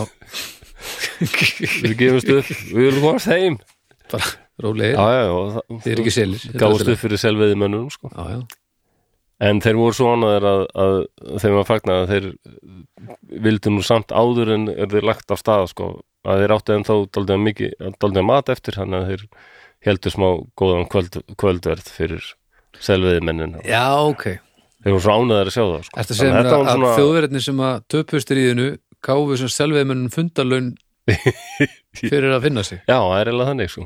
Já, ok, næs Góðu dagur já, að vera en, þetta var nú selveiðimaður. bara svona, en þetta var margir mánuður sko, þar sem þeir voru Já. bara týndir Já, og tilvílun eða þeir bara tósta bergaðum sko. vá, Já, þeir glemdust bara hann í Þýskalandi. djús léttir maður Já. Þetta Og hlýtur hvað að- er til Úff, einhver strásetning á því hvað, í hverju þeir lendu og svona, jú, ég meina hlýtur að vera þetta voru náttúrulega nasistar, þeir Já, hljóta að alveg skrifa vel- allt niður í mjög löngu og leðalegu máli Nei, hvernig, já.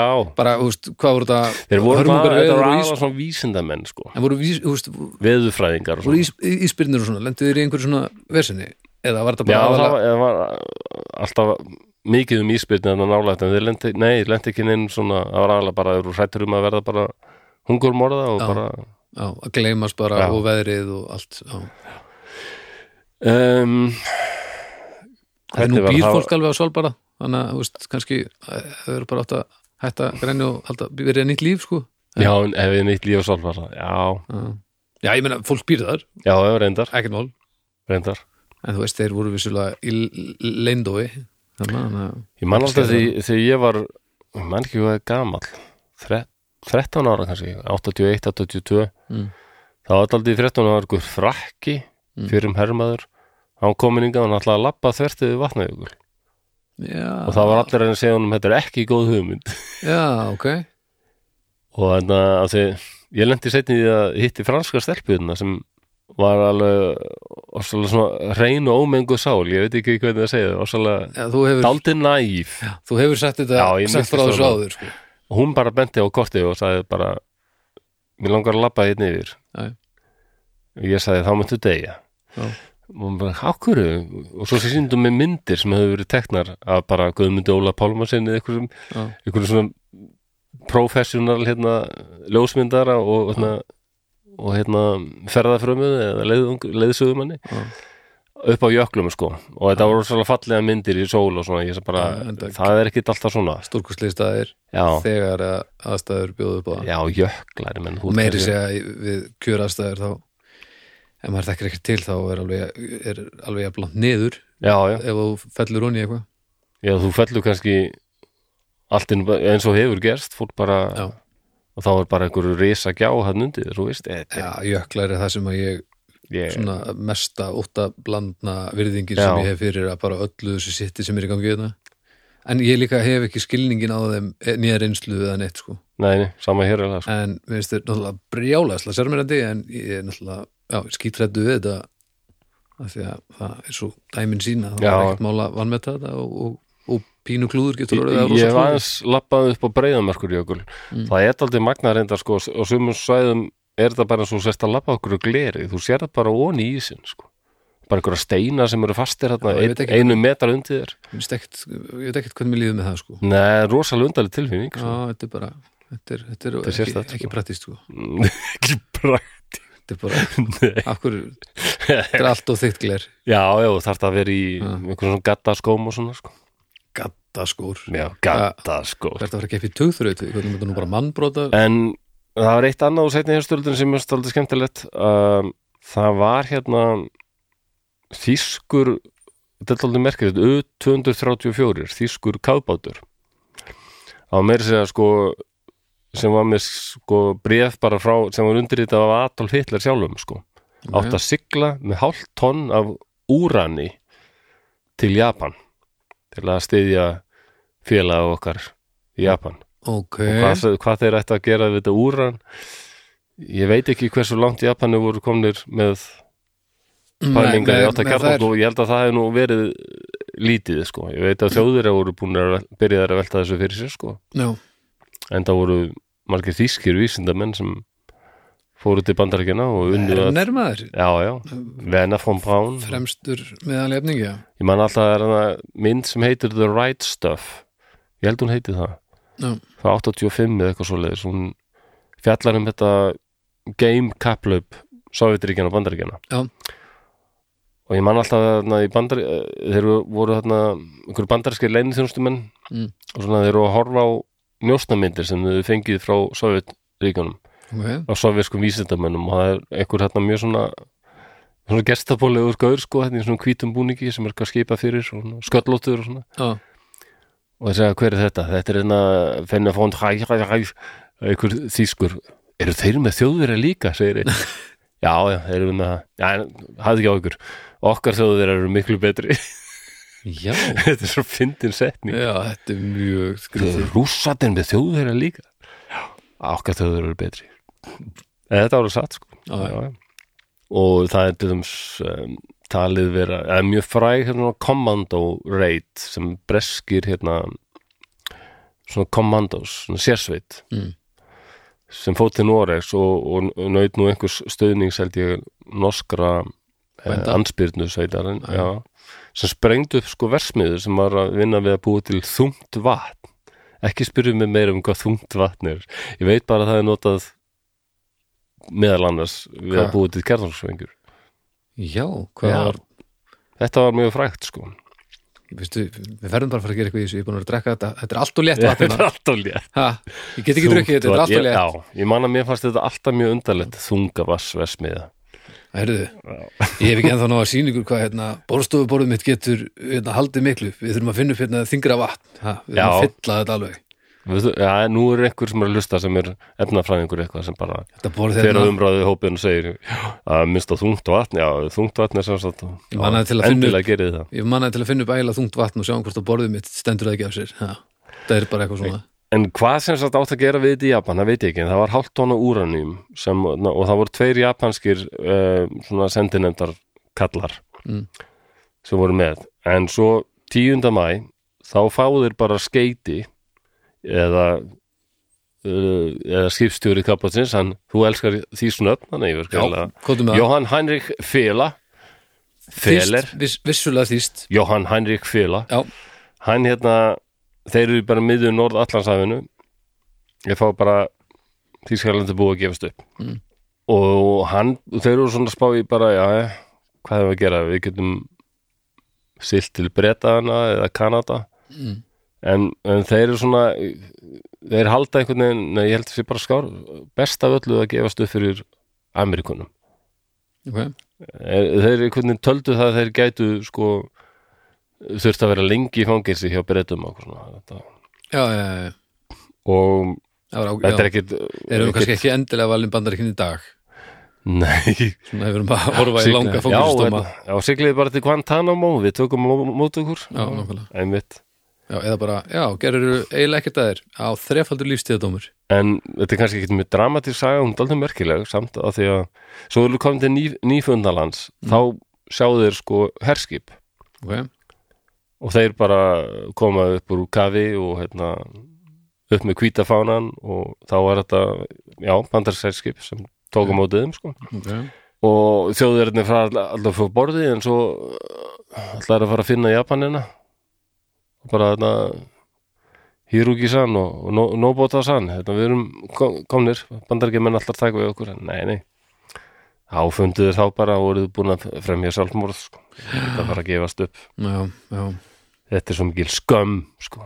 þetta er nefnilega við þurfum alveg að tala um þetta núna þegar við komum að Japanunum sko. þetta er nefnilega, já, aðeins önnur þeir nálgun á- hugsuðu öðruvísi um þetta sko. Já, en þetta úranýjum, bandarækjumenn alltaf tóku þetta og þetta gagnaðist þeim víst eitthvað sko í að í framleiðinni sprengunar ári eða Já. sko sem var bara sem það var mjög stutt í það já, þetta, þetta er í mæ sko og hérna, þeir nota sprenguna í ágúst ágúst já. Já. En nú er loksins komið að Japan Mhm. uh, og það fyrir að líða þessu en það eru þrýr Japanir sem ég langaði þess að minnast á Ok, og ég er nú aðeins búin að tala um Hiro og notaði mig langar að byrja samt á einu sem heitir Shoichi Yokoi ok, hann var á eigu sem heitir Guam sem, am, sem bandaríski herin nær 1944 og Yokoi og nýju aðrir þeir fara í felur ok og það rjáttlast nú úr hópnum hverfa bara það er ekki allir sem ráða þetta og endanum eru þau bara þrýr eftir Mhm. og endanum eru þau greinilega búin að fá nóg af hvorum öðrum uh, og þeir bara eru í sambandi en þeir eh, búa ekki saman sko. Já, já, já, já, bara, bara spenna á heimilinu ég heldur það, heldur það ekki bara þannig, Ég, nema þeir hafi kannski talið þetta bara örugara ef einn okkar næst þá var allavega hinnir tveir ekki hver veit fína ég veit ekki alveg alveg hvernig það er allavega 64 þá degja hinnu tveir sko, hann bara k- gerir þetta rosalega flóð og sveipur upp. 64, já, 20 árum setna já, já, ok komið flóð, já, og komum rosa flóð sko, Ah, það er það hefur örugglega verið náttúrulega þungt svona monsún hann og bara rigningartími og það er bara svoleiðis þungt vatn já, það eru Mjög þungt vatn mjög maður. þungt vatn. þá Yokoi, Shoichi Yokoi það var hann bara alveg eftir sko Mm.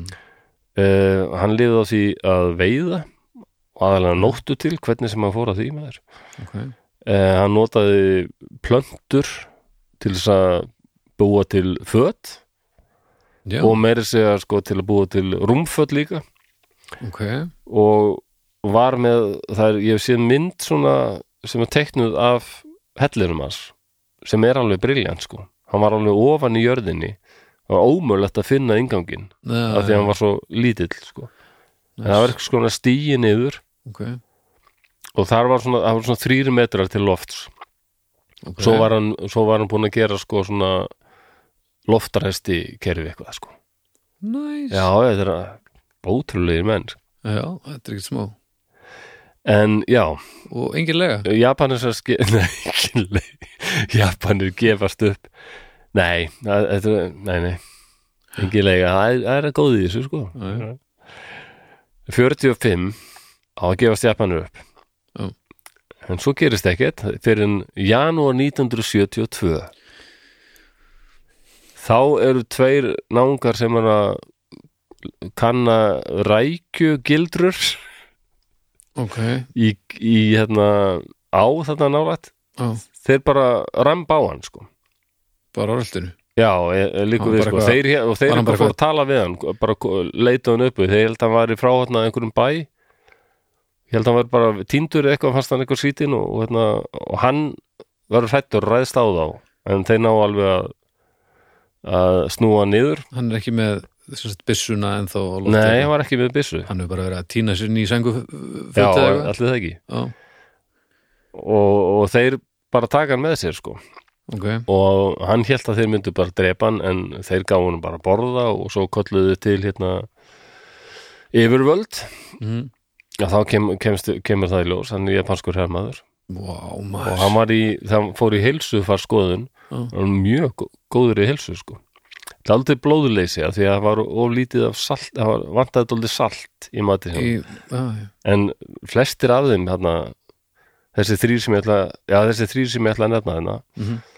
þeir, ja, þeir voru allir mjög, mjög, mjög góða heilsu þeir hafa náttúrulega allir þurft að læra á lífið bara já, já, og að- þú verður að- að vera endalust að gera eitthvað og græja af því að annars gerist ekki neitt já ég, ég get ekki ímyndað með þetta já, hann liði sem sagt á netum, mango papaya Mhm. sem er víst ofsalega góður ávöxtur, ég man ekki hvort ég smaka það jú, hann er mjög góður og rækjum, Já. sniglum, froskum og rottum já, þetta er nú úrlega næring í þessu já ég meina þetta kofirar mikið að því sem maður þarf ekki já en, og svo er líka en spurning hvernig, ge, gera þetta bara en svo er líka spurning húst, hver, hver grunnur hans í húst, bara matselt og, og því öllu sem hann hef- hefur verið húst, hvað er hann að elta bara með nýtt tráefni já, ef hann gerir sér þokkilega grein fyrir því hvað líka minn þarf þá kannski er hann bara að sækja það sem hann telur sér þurfa en glimdi smá salti já, það má vera kannski var nú ekki mikið annað í bóðið þarna Nei, En hann kemur til Japan aftur sko og, og vakti mikla aðtekla, hann kemur sér satt um, já, vorið 72 á snýrandi Japan shit, og hvað hitt hann Eh, bara engan 55, 65 uh, plus 20. 7 27 ár já, já, Ha, Er það ekki? 55 og 77 Nei, 72 72, já, Já. jú 27 ár Já. Er það ekki? Jú, Já. Hvað, ég er svo hræðilur Já, fyrir ekki að ég heyrði veitlust og það er náttúrulega fyrsta sem hann sagði bara á flugvöllinu þegar hún var réttur mikrafót sko ég sný heim fullur af skömm hann, sag, hann sagði vissur uh, virkilega ef hann var spurður sko, vissur virkilega ekki allan enn tíma að setni heimsturðin var búin jú, ég, ég komst að því árið 1952 Ha, Já 22 á, eða, sko, 20 árum áður þá vissi hann að þetta var búið og okkur, hann sagði ég bara þorði ekki að koma og nei, gefa mig fram að því að okkur japanskum hermónum við okkur var innrætt þetta að það er ekkert sko að láta ná sér lifandi á óvinnun það er ekkert jafn skammalegt sko. nei það er það versta og þið, þið eigið að deyja frekar en að láta það gerast Shit, maður En vissi hann til dæmis bara hvernig allt stóð í heimalandinu, þú veist var hann bara, Nei, hann vissi það ekki, hann var ekkit í sambandi sko, í einni neitt hann var ekkert bara eitthvað að lesa blöðin Nei, hann hafði ekki komist í það Nei, ekki, ekki þó nema bara En einhvern veginn einhver, höfðu- einhver blöð bara sem að fann á einhverju tréi mögulega Nei, en þegar þeir voru fleiri þarna þá Já, einhvern veginn þeir fréttu þeir þetta, þetta var í búið sko. ok, Það er nefnilega málið, þeir vissu það alveg eins og þessi sem ég ætla að fara að tala um núna sem er í inganginum, Hero og Nota hann er líka eitt svo frægast í sko ok, hann var svo mikill svona hann var aldrei mikill svona tappi ég veit ekki, einhverju hluti verðna var hann mjög þekktur já, hann gefur sig fram hann og hann er eiginlega svo seinasti í japanski sem, sem það er eitt sem gefur sig fram á eftir honum sem ég ætla að tala um á eftir Ok. hann er aldrei spes á ok, en Hiro Noda, hann er svona ekta japanskur hermaður eiginlega, frá þessu já, hann var sendur til Filipseyjana og í desember 44 þegar Japanir bara eru mm, bara alltaf hörfandi undan bandaríkjunum sko. það er augljóst að þeir ráð ekki við bandaríkin og bandaríkjumenn er að ráðast að Filipseyjar að taka þær og, og hann átti að valda bara eins miklum skaða og usla á innrásaliðinu eins og hægt var um, flúvellir og, og, og hafnir og svona reyna að sprengja þetta upp og eðilegja svona. já, ok og sko, ekki undir neinum kringustæðum fekk hann þær skil, hann fekk þau skilabóð undir nengum kringustæðum megið þið gefast upp og eða f- fara í sjálfsmáls árás það, voru, sk- það var skipunni yeah. já, með ekki fremja sjálfsmáls reynda að halda þar á lífi og reynda að djöblast í öllum já ok, og Filipseyjar falla svona í februar 45 þá eru bandækjumenn og Filipseyingar má nú ekki glemma því að Filipseyingar börðust líka mjög mikið fyrir frelsi síns lands Já. það er alltof lítið verið fjallan það að þeir um, Filipseyskir skæruleðar voru alveg frábærir sko og þeir komu í vegferðar að Japanir sennilega næðu öllu landinu sko já, og já, heldur ok okay. stöður í baráttu sko og bara mjög hetileg já, það er alltaf lítið talað um það og þetta var erfitt fyrir filmseging að þetta það var eitthvað um ein hálf til ein miljón filmsegingar sem dóu sko meðan á þessu hernámi stóð mm, því Japanir voru ekkit skemmtilegir svona nei, skemmtileg þersetulið nei um, en um, og mjög fljótlega sko eru eru, eru, eru þeir allir bara döiðir sko, lendi í einhverjum átökum hérna við óvinnin og það enda bara með því að þeir eru bara örfáir eftir sko ok, og þeir flýja bara hérna, flýja út í óbyðunar Mhm. uh, og þeir bara skipta liði sko bara hver- hver maður fyrir sig sjálfan sko Ah. og hann er einn hann bara núna ok og hann heldur áfram að ge- bara gera þetta sem hún er sagt að gera að vera með svona skærulega aktivitet, skemma og eðilegja Mhm. og, og hann með þess að segja var með riffil sko og hann hérna var með töluversta skotfærum og, hérna, Ok. og lendi með þess að segja í sko skotbartöðum við bara filiberska lögreglunum filibersku filibersku lögregluna ásakið Já. hann í oktober 45 þá flýgur flugvil yfir og þeir sjá fullt af blöðum falla til jarðar þar sem stendur bara Japan er búin að gefast upp ok, svo setna þá finnaði nokkuð blöð sem búið að setja festa á tré hér og þar Mhm. frá Filipseyingu sjálfum mm eh, sem vildu getnalega vi- losna við þá því að þeir Já. voru ofta ræna frá þeim Já. sko, Filipskum bara bændum Já. og sem segir líka svo stríð búið komið, komið Já. niður frá fjöllunum please já, please eiginlega sko þeir tristu sér ekki og hérna tristuðu sér ekki eða, ja, það er bara, eða fyrirmælin já, svo líka það spilaði líka stóra rullu sko já, og þetta meira segja sko setna þá flýgur flugvil yfir og þá er það á japansku og það er hérna bara undirskrifað japanskum hersöðinga bara allir herrmenn stríðinu er lokið þið meði leggja niður vopn og koma heim ok og, og þeir pældu mikið í þessu mm en komum síðan að því að við getum ekki trist þessu þetta getur allt verið svindl Já. svo líða árin 52, þeir eru ennþá nokkri saman hana, sko. Ok. þeir eru þrýr eftir um, og hérna 52 1952 önnur flugvél sem flýgur yfir og það eru bref og meira þess að segja myndir af fjölskyldunum þeirra að vit, að þarna vissuður gennilega sko, þeir eru sirka þarna já, hverju væru þarna já, vantaði sko ok, eins og sko, eins og hann að Suzuki, hann ætlaði að fara að finna Hiro og Nóta, hann vissi hvern hann ætlaði já, að finna já, þannig að þetta er alveg sem var, af því að Þekkt. það var alveg vita sko, það var alveg vita að hann er hann líklega ennþá og, dyrla og þeir, trú, þeir trúðu þessu heldur ekki við getum ekki treyst þessu og þeir eru alltaf sko þeir eru alltaf að lendi í átökum við bæði sko veiðimenn og bændur hann, Filipeiska sko já, og eitt er að til dæmis hérna er síðan skotin til bana einn af þeim já, af sko Filipeiskum leitarflokki sko. já, já, ok, Þa- já, þannig að það og hefur þeir verið- náttúrulega bara allir geta að láta taka sér lifandi og skutu bara á þá sem þeir sáu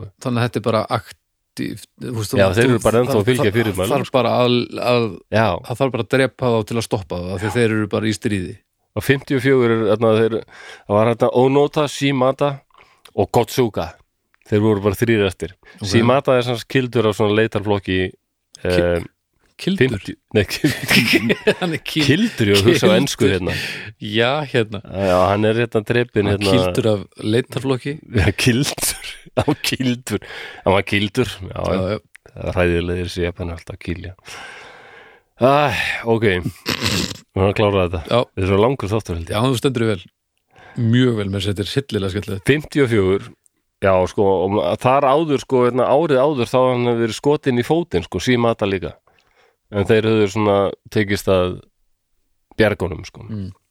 hann dói ekki allavega, en svo hann bara drepin árið setna sko Ok. og svo hafa 54 sem hann deyr um, svo þessi Kosuka hann er skotin af lauruglumönnum ok, 72 ok Vá, um, það, það, og af hverju er hann það það er nefnilega, daldið sko, hvað er svona hetulegt við þetta þeir voru að brenna svona sko, hérna, bændurnir safna sko hrísgrónum í stóra póka já. þeir voru að kveiki í þeim eigðilega matabyrðinar já, þeir eru bara, bara að fylgja fyrirmælum, já, en árið leiðilega 1972 samt alveg hittu þegar þetta verið þreytandi að Já, hafa, já, hafa og í þetta vo- sveitinni en það voru ýmsir fyrirstegingar sem bara voru hvað, bara að skjóta þetta helvíti skerpi bara. ef þetta væri svona hérna hjá okkur og þeir hefðu skotið en þeir hefðu getað það sko ef þetta hefði verið svona hjá okkur á okkar skala sem er ekki alveg stríðis já, þá er þetta eins og verið búandi í einhverju hverfi og það væri alltaf einhver að gera dyrað til þér bara svona þrissur á dag að gera dyrað Já. stanslöst og svo var hann bara horfinn og þú þurftir að fara að leta hann og fyndir hann ekki í kannski 30 ár Já, ætla maður er ekki frekar svona þreytur já, óþólandi Já, það er náttúrulega óþólandi sko En og það er lögreglan er kölluð til og, hérna, og Kosuka hann er hérna, skotin til bana og þá er ónóta bralit sko já, og svo gerist það tveimur hann setna, 74 þá hittir hann hennar mann Suzuki Su- Suzuki já, pöndu Og hérna- snjómanns uh, mann, mennið og hérna þeir og einhverja hluta vegna þá bara, veit ekki, hann sú, ég held að sko, mér minna Suzuki hafa sagt sáður, einmitt sko nei, ja, það var ónóta, hann sagði sko ég sá strax að þessi gaur var ekki fyrirtsegingur, bara af því að hann var í sokkum engin, var í Já. svona bjánalögum sokkum, sem engin helvita maður myndi gangi á þessu svæði sko, og allir bara berfættir sagði hann ekki verið hippi Jú, hann var, Akkurat. og bara, hann bara gláfti á hann á gaur, bara fannst hann svo fríkaður já, já og Me- það- menningar. mér finnst þarna- Það er ótrúlegt. þarna er þessi, kannski þessi Japan sem við þekkjum betur sem er bara svona brosandi og svona já, já. En þannig þetta að reyna, þú veist, þú ert búin að vera að reyna að halda út heimstyrjöld í Já. einni einhver áratug og svo kemur bara einhver hippi já, heldur þetta sé menningarsokkur í nákvæmlega bara hvað er að gerast hérna? þetta en þeir ná ágætlega saman já, og þeir eru náttúrulega báðir Japanir já, og Suzuki var engin bjáni hann gatt talað við hann já, já, og ég skýr, sýnist á öllu að hann hafi verið bara daldið svona sjarmerandi maður sko. Mm. og mér sagði sko, ónátt að sagði þessi, allt innu kemur þessi hippi þarna já, bara ég hef aldrei séð svona Japan áður sko. næ, akkurat S- og hann segi bara "Mig- ég kem hérna til að leita þér hvað okkur leita mér ég með bara mig langar að heyra sögu þína og bara spyrjaði hvort þú vil ekki koma með mér heim til Japan og hann svaraði strax nei, það get ég ekki ég er ennþá bundin skipunum sko, en stríðið búið, ekki fyrir mér það er ekkert búið að segja mér að ég me- megi hætta þessu heyrðu, ég man ekki betur um hend, um hend miða hérna niður eða? Jú, jú, en em, en það- þú þeir veist, treystu því gæti, gæti verið lega miði, ég gerum ykkur fyrir því, Það- þetta er alveg rétt en En Suzuki sem sagt, þeir eigða einhvern tíma saman og verða bara ágætis vinir sko. en Suzuki fer síðan aftur til Japan og nota neytar að koma með hann okay. en hann, hann er með myndavél og hann tekur mynd, selfie af þeim tveimur Okay. og fer til eh, baka og, og kallar í blaðamenn og ég fann hýru og nota, hérna er mynd af okkur ég, hann, hann er þessi alvarlegi hérna á myndinni þessi myndi frábær sko. ok, ég hef ekki hérna alveg hitt að Suzuki ég held að hann hafa ræðislu kall já, ljóma skemmtilegur Já, já, Hress. þetta er svona tvö ólík Japan, Japan sem eru að mætast já, það.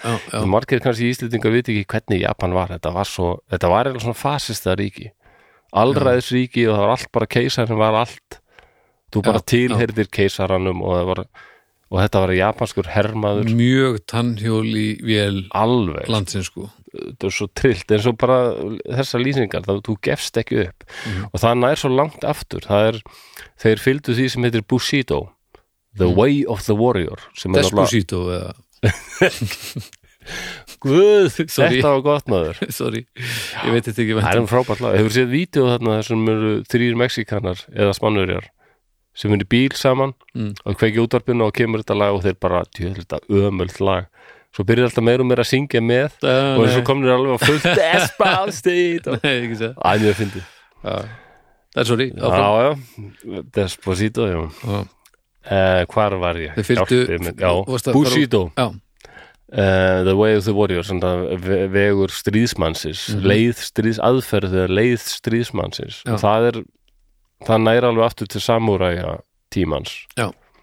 Að vera hermaður, það er ekkit jafn guðvögt, sko, sem að vera hermaður fyrir keisara. heiður sko að- alltaf þetta heiður Já. heiðurmál sko og, og þetta gefast upp sko, náttúrulega margir breskir og bandariskir hermenn sem gáfust upp fyrir Japanum urðu uh, náttúrulega fylltust hryllingi þeir sáu hvað þeir komu illa fram Já, við já. fangaði bara meðförin var hryllileg en fyrir þeim, ég ætla ekki að verja Japani, en sko fyrir Japanum varstu orðin minna en maður já, þú varst skeppna já, þú gafst upp fyrir óvinnum þú áttir ekkit gott skilið nei, akkurat þannig að Það er- þarna erum við með bara ofsalega ólíkan kultúr já, þannig er hugsunarháttur sem að við eigum rosalega erfitt með að- Já, að koma okkur inn í verandi svona yfirgengilega vestræn og, og, já, og, og svona einstaklings uh, sögu ævintýra bundin sko. það voru eins og ímsir Japanir sem heldur líka að aðra hljóð, þjóðir hlitu að hugsa svona já, og voru óðbóðslega hrætt þegar Japan gefst upp og bandarækjumenn koma, Já. bandaríski hérin Já. allt fyllist af bandarískum hermönnum bara allt innu og skítrættir já, já, þá bara koma þessi gaurar hérna bara með lökki stræk og hérna brosa til japanska barna og þeim hei, ég vil ekki fá súkulaði hérna, tyggjó bara klappa japanskum börnum og svona ógeðslega kammo Mm. og þetta var náttúrulega kultursjók fyrir Japanu líka, bara þannig er óvinnurinn komin sem búin að sigra okkur, eina landi sem hefur sigrað okkur, það er við líka vorum ósigrandi og er þetta og þeir bara koma og gefa okkur súkulaði er það, ekki, er það ekki fóking óþólandi eða, Ég, eða, það var mörgum sem fannst eða þetta- bara skrítið en að endanum já, já, en svo verða náttúrulega verður Japan ásalega fyrir miklum amerískum áhrifum sko. já, já, algjörlega en þetta hefur verið rosa sk- já, sérst þetta að átt að segja því að heimurinn er ekki allur eins og Nei. maður heldur hann sé sko Eh, og Hiro til dæmis og nota, honu leiði ekkit vel ef hann komin heim, sko og svo koma því, hmm. hann er svo dæmi gerður, sko, bara myndirnar á honum og allt, sko, hann er ekta svona já, japanskur sermaður, sko japanskur fóringi, hann var liðsfóringi já, já, já. lieutenant eh, og hérna ónóta sagði sko við Suzuki það eina sem gæti fengið mig til að fara heim Mhm. það er ef við fæ skipum frá fóringja mínum um að gera það það er ekkert annað í stöðunni ok ég hlýði skipunum ég er hermaður, ég er fanskur hermaður og það bara breytist ekkert, ég fekk skipun og ég held áfram að sinna henni þessi jafnargið sem Suzuki hefur verið með ég var honum svo þreyttur á honum og, og ég, ég, ég, þannig er ég búin að þekka henni kortir og ég er samt honum þreyttur á honum ég bara, hefði verið vilja Come vera með þeim þarna þegar þeir voru að tala saman æ, Þetta er eitthvað kom, svo- komdu bara með heim Já. ég nenni ekki, ég Nei, nei. nenni ekki að fara og ná í fóringabref og eitthvað, eða ná í hann og eitthvað, bara, láttu ekki svona, komdu bara heim please, og þá hérna náttúrulega hann segir þetta heima þetta er eina sem fær hann til eh, að koma aftur þá náttúrulega japansk, jak- japansk yfirvöld sko Mm. fara bara að tekka því getur verið að hver, var, hver alltaf hafi verið yfirmaður hans og finna hann major sem heitum Taniguchi ok, sem bara orðinn bóksali bara löngu hættur að vera hermaður sko. já, já. og Taniguchi hann, hann bara ferðast til Filippseyja Nei Jú, jú. Ég held að Suzuki hefði með þess að verið með og 9. mars 74 þá hittir hann ónóta og hann, hann segir bara við hann manstu hvað ég sæði við þið 44, síðustu orðin sem ég sæði við þið og nóta sagði, já, ég hef aldrei glemt því þú sagðir, hvað sem gerist Mm. þá komum við aftur og náum í ykkur og og þannig út sagði, og hér er ég komin fyrir ekki hvað þetta er seint en ég bara og hann bara sagði bara við hann sem um, ég ég er yfirmaðurinn ég skipa þér að leggja niður vopn Og Allt er- shit hvað hann hefur sleppt kablanum það sem hann var að selja bækur í einhver ártíð já. En Það var vá maður, djöfull lítur þetta hafa verið þá bara sagði hún á dóki þá gefst ég upp og þarna voru Filipiska lörglan og hann bara náði í sverðið sitt og Arisaka riffilin sinn hann var ennþá með 500 kúlur Vó, og hann var með handsprengjur já, já, já. ok og, og lætur filipisku lögreglumennin að fá þetta ég held að hann láti fá, þá fá þetta Mm. og hérna og svo þegar þeir eru bara að fara þá kallar hann alltaf, nei herru, það er ég er með eitt annað vopn, móðir mín gaf mér þetta hérna, og sagði ég ætti að nota þetta til að drepa sjálfa mig með ef ég er því tekin til fanga Já, En- mamma gamla Pældi klikkar þe- ekki maður, pældi, já. hún gaf honum rýting Já, pínulegilegt elsku hýrú minn, ef þú verður tekin til fanga þá no, skal þú nú nota þennan rýting til að Svolítið drepa leiðilegt þig að segja þér að annars næ hefur aldrei gefið mér neitt til að drepa mig með en, nei, pældi því hvað þetta er já. Já, þannig er menningar mismunur Ég fekk ekkert svona sko. sko. heldur Og, þa og þa þannig er mamman að sína væntum þykju sko. Já, ég man mér að hérna, mamma sagði mér alltaf að það mætti ekki gefa hníf ég held að mér hafi langað í hníf en já, má og- aldrei gefa hníf Já, Já, voru að kaupa hann fyrir krónu eða eitthvað það er Þetta ekki gerir mér brjálaðan Er það? Óþóli, já, Mér finnst fjósi þetta fallegur siður, Já, ekki en þetta- storka örlugun Þetta er fallegur siður en, en eitt eitthvað sem er ekki neitt Nei, nei, Nýfur sem þú lætur ekki einhvern hafa krónu fyrir er ekki líklegri til að drepa þig en nýfur, hinn nýfurinn nei, nei þetta er Af ekki því að þetta er sami nýfurinn, sama hvort Já, já, en þetta er nú bara svona krútlegur síður þetta er, ekki að, þetta er ekki að sama og vera að selja einhverjar, einhverjar þrjá geisladiska á 30.000 sem eiga hjálpa þeir að lækka við, Sammála. lækna við krabbamennið Nei, nei. með dáleiðslu aðferðum Algjörlega, enda, mér finnst þetta líka bara næs og fallegur siður og svona, en þegar fólk segir "Vel, hvað borgar ekki krónu fyrir þetta? Ha, Já, borgar já. ekki krónu fyrir hennar því annars er þetta um stórhættanum hýður og það er bara að setja hann í skófóðum að það var aldrei að kikja á hann aftur Ég get þetta ekki, ég tek ekki þátt í þessu sko. Já En Ég get, Þarna skilur ég er ekki stundum vindla, sko, ég get ekki kveikt mér í vindli á kerti, sko. Það er bara svo rámt. Af hverju ekki? Að því að það deyr sjómaður, Nei!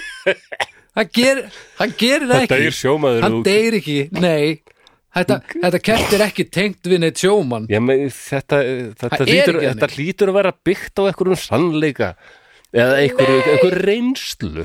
Nei, Það hlýtur að einhver hafa kveikt gerst og kerti einhver einhvern tíman, tímann, kveikti var- sér í vindli og það dó sjómaður sem Já. gerðist náttúrulega á fullu á, í gamla daga Já, og hér eru við og bara, já, hörðu, það er beint tenging ég sé það núna. já það, Hvað, ég meina, með þetta þá er miklu líklega að, hvað, þegar einhver prumpar þá blindast einhver Það, ég ætla að fullir það að það hafi gerst það hefur oftar einhver prumpað og einhver hefur blindast á sama tíma heldur en einhver kveikti sér í vindli á kerti og dó sjómaður guðum við hvað ég á, hvað ég hef rænt marga sjóninu maður. já, bara hættu að prumpa Já, ha, að því að uh, þe- fólk á ekkert skilið að, að þú veist, Jú. hættu þessu bara herðu, nei, hjálp, við vorum að klára þetta, það er, og notaður ekki síðasti guðurinn, sko. ok, áfram, En hann er svona Já, ok, ég útskýra það seinna En ónóta er náttúrulega langfrægastur en hann, ke- en, já, en hann kemur heim og honum líður Hann ekki kemur vel. heim Já. og bara hann verður rosa hetja sko. Hann náttúrulega bara Og það sem að fyrst að hann segir ég, er sn- Hann segir líka Ég er sný tilbaka með mikill skömm Æ. Og ég get ekki annað en beðið Keisaran innilega afsökurinn að hafa brugðist honum já, já, Já, já. já, en nei, ég menna Og hann, jú, jú, hann skrifar hérna Bók sem heitir Engin uppgjöf Mitt eigið 30 ára stríð ok, Hér og hann óta ok, æfisaga hans Já. sem slá verður, verður bara best seller já, og svo hérna, hann verður mjög frægur í Japan sko og hérna, margir sem er að hvetja hann til að bara gerast þingmaður eitthvað hann er svona, er alveg últra hægri gaur sko og svona íhaldskall sko. Ok. það var alltaf, alltaf verið áfram í Japan svoleiðis öll sko Já. sem var með svo orðið daldi öflugri já, í seinni tíð Undanfarið. já, en svo gerðu filmsegingar heimildamind sko Mm. um þetta og þeir tóku viðtöl við fólk á þessari eigu, Lubang eigu þar sem ónóta hefði verið Mm. og það, þeir sögðu sko, já hann er ekkert að minnast á það í þessari æfisjóðsynni að hann hefur drepið fullt af fólki þeirna sko og, menna, og þá er að segja fullt sko, þetta er eitthvað 30 manns já, aðalega bændur sem hann á að hafa skotið til dauða sko, á öllum þessum á já, öllu tímabilinu, já því að hann var bara hermaður og var að dróð óvinnur bara 70 eitthvað hann var annarkvort að reyna frá þeim eða, eða skemma fyrir þeim eða bara, en var hann, að, sk- var hann að drepa fólk bara 70, 70s bara ég veit ekki hvernig hann draf seinast sko, en, en þeir tala um það að hérna, hann var að reyna mat frá þeim og hérna, brenna og skemma hluti sko, og varði sig ef einhver, einhver byrtist sko. já, en hvort, ég held að hann hafi nú ekki sko, farið í gaggjart til þess bara að reyna að drepa einhvern Nei, mér finnst svolítið, skipta svolítið miklu máli hvort hann vissi að stríðið verið búið og drap einhvern eftir það eða hvort hann var Jú, bara hann gerði það já, já, hann gerði það, já, já.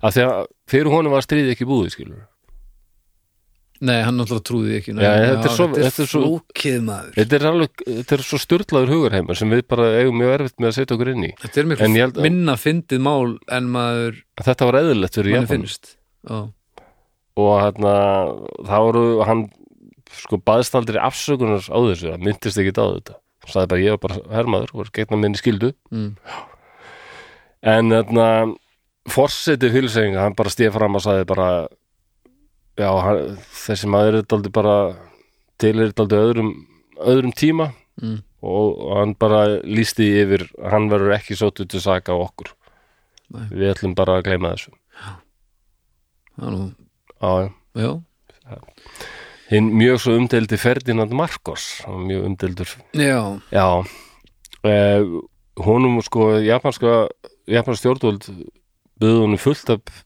peningum sko manna, hann var á launum sem hermaður hann átti innalveg fullt af pening já, þú Já, meina, þeir sagði bara, við erum til að borg, bara gefa þér pening borga en er, svo það hefði verið á launum hjá hernum í allan þennan tíma við skuldu er fullt Herðu, hann segi bara nei nei takk, af hverju, ég brost ég brost skildi minni Nei, ég bara, við töpuðum, ég átt ekki skilið mm, hann neitaði hér það en þeir bara, það var gengið svo hart að hann, hann þáði þetta og gaf þetta strax aftur svo er þetta hendan í bestseller og, þannig og að- gaf þetta vist hérna til hérna mjög umdildrar hérna hofið hérna Yasukuni Þa, þar er sko Yasukuni. það er rosalega heilaður staður hérna, japanski fórstsraður, hann fer þangað alltaf Já, þar eru sko, ég held að svo grafir eða duftker mm, japanska hermann og þetta er mjög umdild í þetta kínverðir hafa oft hvað er þetta? Þetta, er- hvort þetta er ekki bara í Tókíó, ég held að Já, ok, fyrir eitthvað starf utan Tókíó ok mjög heilagur staður, Mm. en kínverður er oft bent á að þarna eru sko glæpamenn sem bara, já, við höfum nú gert þátt um góða nasistan frá Nanjing já, uh, og kínverður hafa bent á að þarna eru glæpamenn sko, þar sem fórsetisráðarinn að koma þarna og, og votta virðingu sína já, já. mönnum sem drápuðu þúsundur kínverja Já, ég skilji, já, já, þetta er erfitt þetta er flókið en það er, ég hef ekki meir um Hiro Nota hann var í Japan og hún var svo bara Japan orðið ömulegt bara, núna voru þetta bara núna var Japan bara orðið svona já, bara svona hippa landi eitthvað og og svona. hann og svo, svo Þetta er ekki ekkert, ekkert að gera góða hluti nei, þeir áttu ekkert mikið þeir, þeir kunna ákærlega við hvort annan þeir eru mjög ólíkir en ekkert interrail material nei, Suzuki var náttúrulega mjög upptvekinn í að, að bara að, finna snjómanin já, talandi um kynnslóðabil maður Æ, um, shit reyndar hérna ég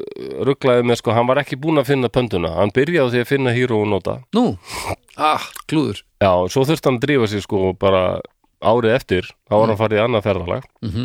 og fann, var nú fljótur að finna vilda pöndu Jæja, og hann, hann segir hérna 75, þá sagðist hann að hafa fundið Yeti 75 þannig að ég rugglaði þessu aðeins hérna í inganginum Æ, Æ, það er ok, alltaf líka, æ, æ, 75 með Yeti, það er nú miklu líklega já.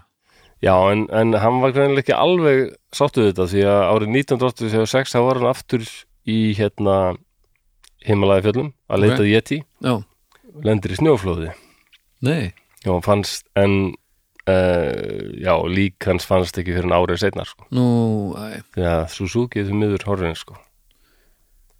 það er ekki gott að vera Nei, ég hefði alveg vilja lesa yfir svo hann sko. Þetta, já, þetta hljómar er svo mjög áhugaverð maður, Já, já, ég held það og það er- þú magnaði hvað að mætast þarna ólíkir heimar heldur betur Þriðji gaurinn, sá seinasti sem gafst upp Já, sko, og Er það- náttúrulega gefst upp hérna- er það þessi síðasti sem þú ætlar að tala um Já, Ok. því að ónótað er eiginlega ekki svo seinasti sko. Ok, Það er hérna, já, mars 74, þá gefst hann upp sko. ok, En a- nokkru setna þá var annar sem hétt Teruo Nakamura sem er daldið spes. Mm. Hann vakti ekki jafn miklu aðteglu og varði ekkit svona frægur í Japan. nei, Af því hann var ekki í Japani, ok, það er svo sítið. ok Hann var frá Tævan og Tævan er náttúrulega mikið í fréttum núna því að kynverjar er alltaf hótaði að ráðast þar inn sko. mhm, að því að þeir sem börðust gegn kommunistunum flúðu flestir til Tævan og Mhm. verður svona ráðandi yfirstjættar Já, sem var svona meir svona hægri fólk já, sem við myndum kallað hálgera þarsista já, en það er það er ættbálkur þar sem er svona frumbyggjar Tævan sem Já. heitir kallaðar Ami Ami og hann tilheyrði þessari frumbyggja ætt Já, ok, sem var svona var ekki sérstaklega hátt skrifuð á Tævan ok, að þá hétt Tævan reyndar Formosa og var og hafði verið lengi sko japansk nýlenda mhm Japanir Vá, höfðu sko hvað Ég er illað að mér í sögu Tævans nei Tævans, Já, já Tævans, með þess að segja Tælands já nei, Tævans, Tævans. já Ég, ég er líka í raun sko alveg Það er, bara, nei en ég er bara, í- bara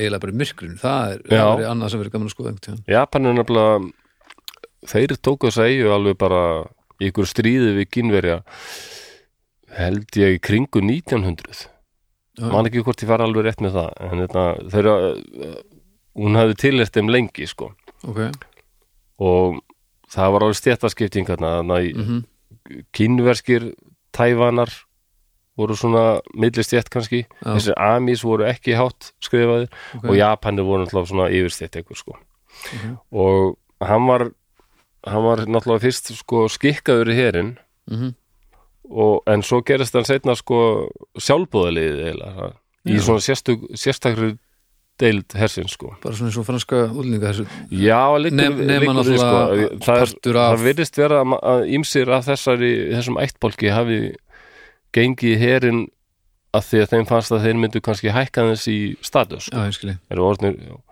og kannski gerist það við þessu leiti þeir, Já, voru náttúrulega- en þeir voru ekki nutu ekki alveg sem við kjara eh, eða var alltaf daldið litið niður og þeir voru ekki alveg Japanir, Japanir voru, þetta var líka svo mikill svona rasism í þeim sko. Já. þeim, akkurat eins og ég, við tölum um í þættunum að Japan verið stórvildi Já. ég held að þeir hefðu getað haldið betur á spilunum Já. og orðið bara svona fyrirmynd og hetjur allra hina asjúþjóðan sko. Já, já, með akkurat því að sigra rússa og standa upp í hárin og ýmsum svona stórveldum sko.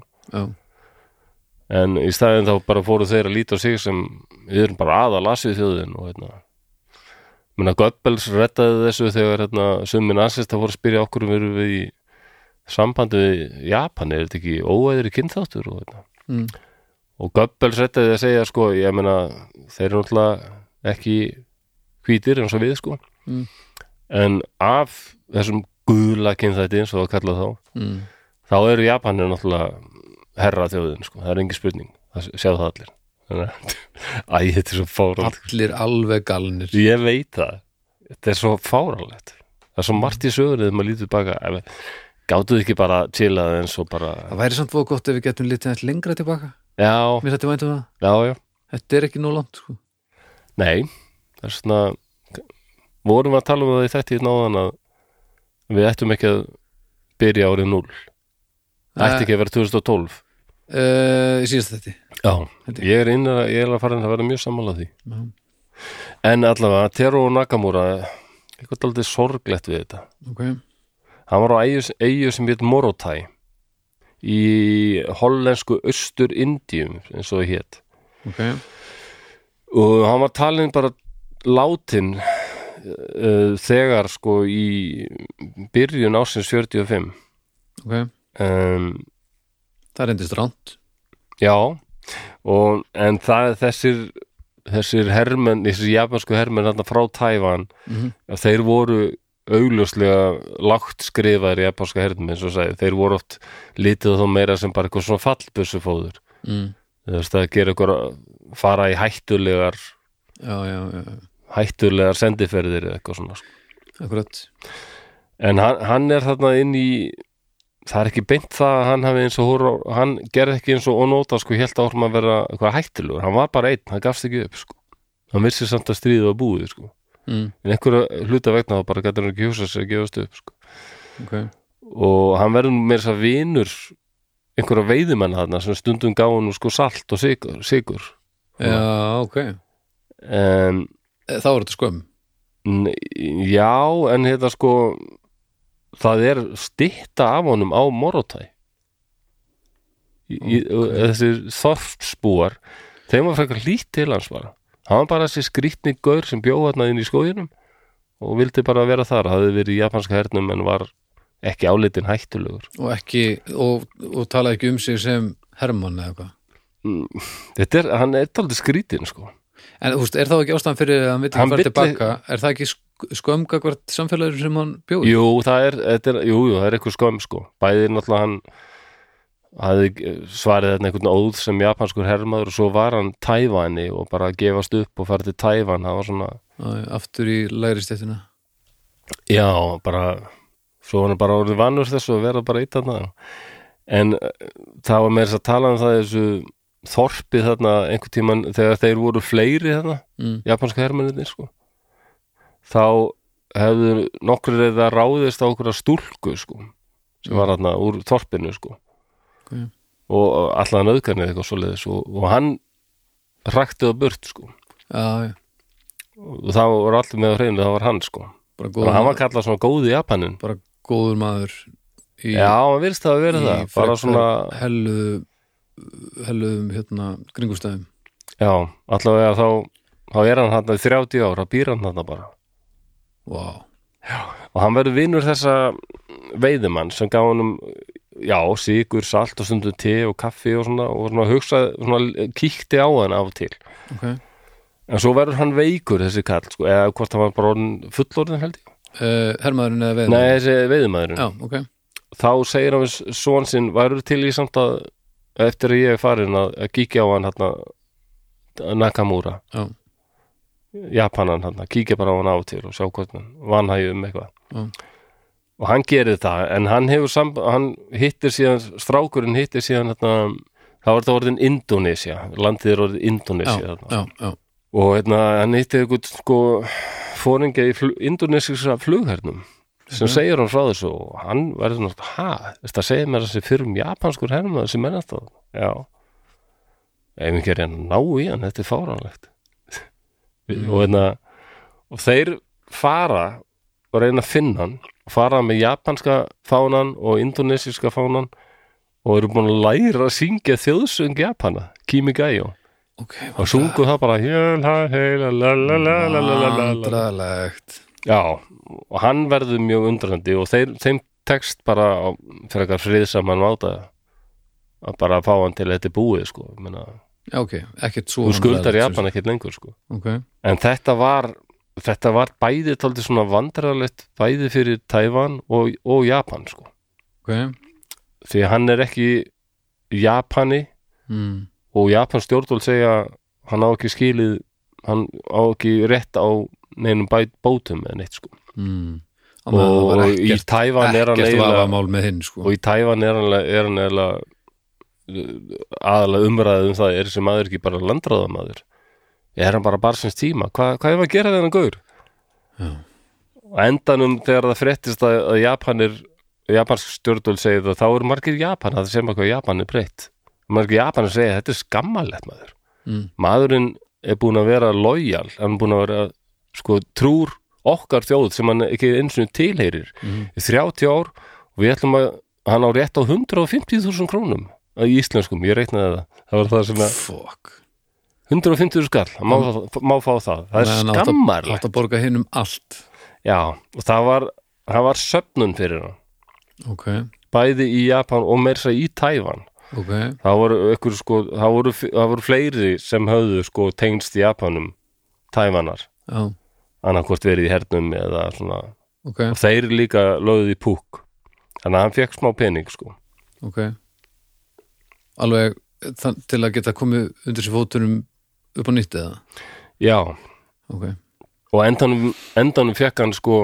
s- sömu, sömu uppáðan átti rétt á sem japanskur hermaður sko En Já, þetta vakti tóti, já, en það voru heitar umræður um þetta tæfan sko, er þessi maður slúbert eða ekki sko veitna, og hann snýr aftur til tæfan og bara mér er svona- virðist svona, svona rólegur gaur sko og hérna, en hann gafst upp sem sagt á eftir ónóta sko Hm. Uh, og konan hans hefði gifst aftur sko, af því hún var vissum að hann væri dáin bara, Já. það, það var svona mesta sjokkið en, hún, en, en það er samt eitt frábært í þessu hún bara skildi við kallinn og fór aftur til hans Nakamura nei, sem hún hafði ekki séð í 20 ára já já, bara, Bara- sagðist það bara alltaf að það er alltaf verið stóra ástinn sko já, já, já, já, vá, þetta er svo lundarni gera já. já þeir, þeir hérna halda alltaf triðið sama já, ef, og það hefur komið upp að ef að hérna lundi missir maka sinn á sjó þá finnur hann ný, nýjan yngri maka já, en já, ef sá gamli kemur aftur tilbaka þá er þeim nýja dömpað og, og lífið klárað með upprunalega sko. er það? Já. það er rétt, já. og lundin er mjög áhugaverð já, Þannig að, Þú en, ég ert veit ekki, að ræða þetta en ég við- veit ekki hvort það sé jafn mikil rómantík í, í því eins og þarna Lundin er nú kannski ekki hann er alls ekki minnst rómantíski fuglin en hann er kannski hann er nú alveg pínur rómantísk já, er það ekki? Jú, ég eiginlega bara sé, Svona, eh, sé alveg eftir ég hafa hugsað hann öðruvísi að hann er eiginlega bara mjög rómantískur þú varst upptökin af því að hann er náttúrulega komískur líka Já, hann er alltaf mjög, mjög komiskur en Já. það hefur ekkert með lundafarið að gera Hvernig fannst þér þetta? já Að þú heyrir þetta bara þegar þú hlustar hann gísli hérna hálfbróður hans Jó og Hermanns Já, sem við hlusta nú eitthvað á okkur held ég já, og hann er til mikill kafari Já. mjög gaman að tala við hann um köfun Mm.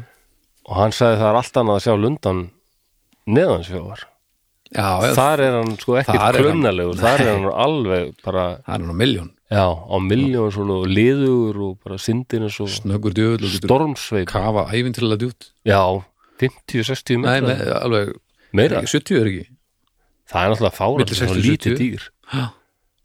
ég er svo og svo flýgur hann bara sirka, hann hann flýgur aðeins betur en ég og þú já, sem er vissulega uh, við erum nú ekkert til Já. að hrópa húra fyrir við erum nú ekki, ekki þeir flegustu en, en, en indisli dýr En við þurfum að hal- halda svona, já ég, Mér finnst valið standum sko, ég heldur verðum að, fálkin er fín en ég heldur verðum að dömpunum sem þjóðarfugli okay. Þetta er bara, hvað er við, við erum Íslendingar Hvað erum við að vera með sama fugl og þjóðverjar?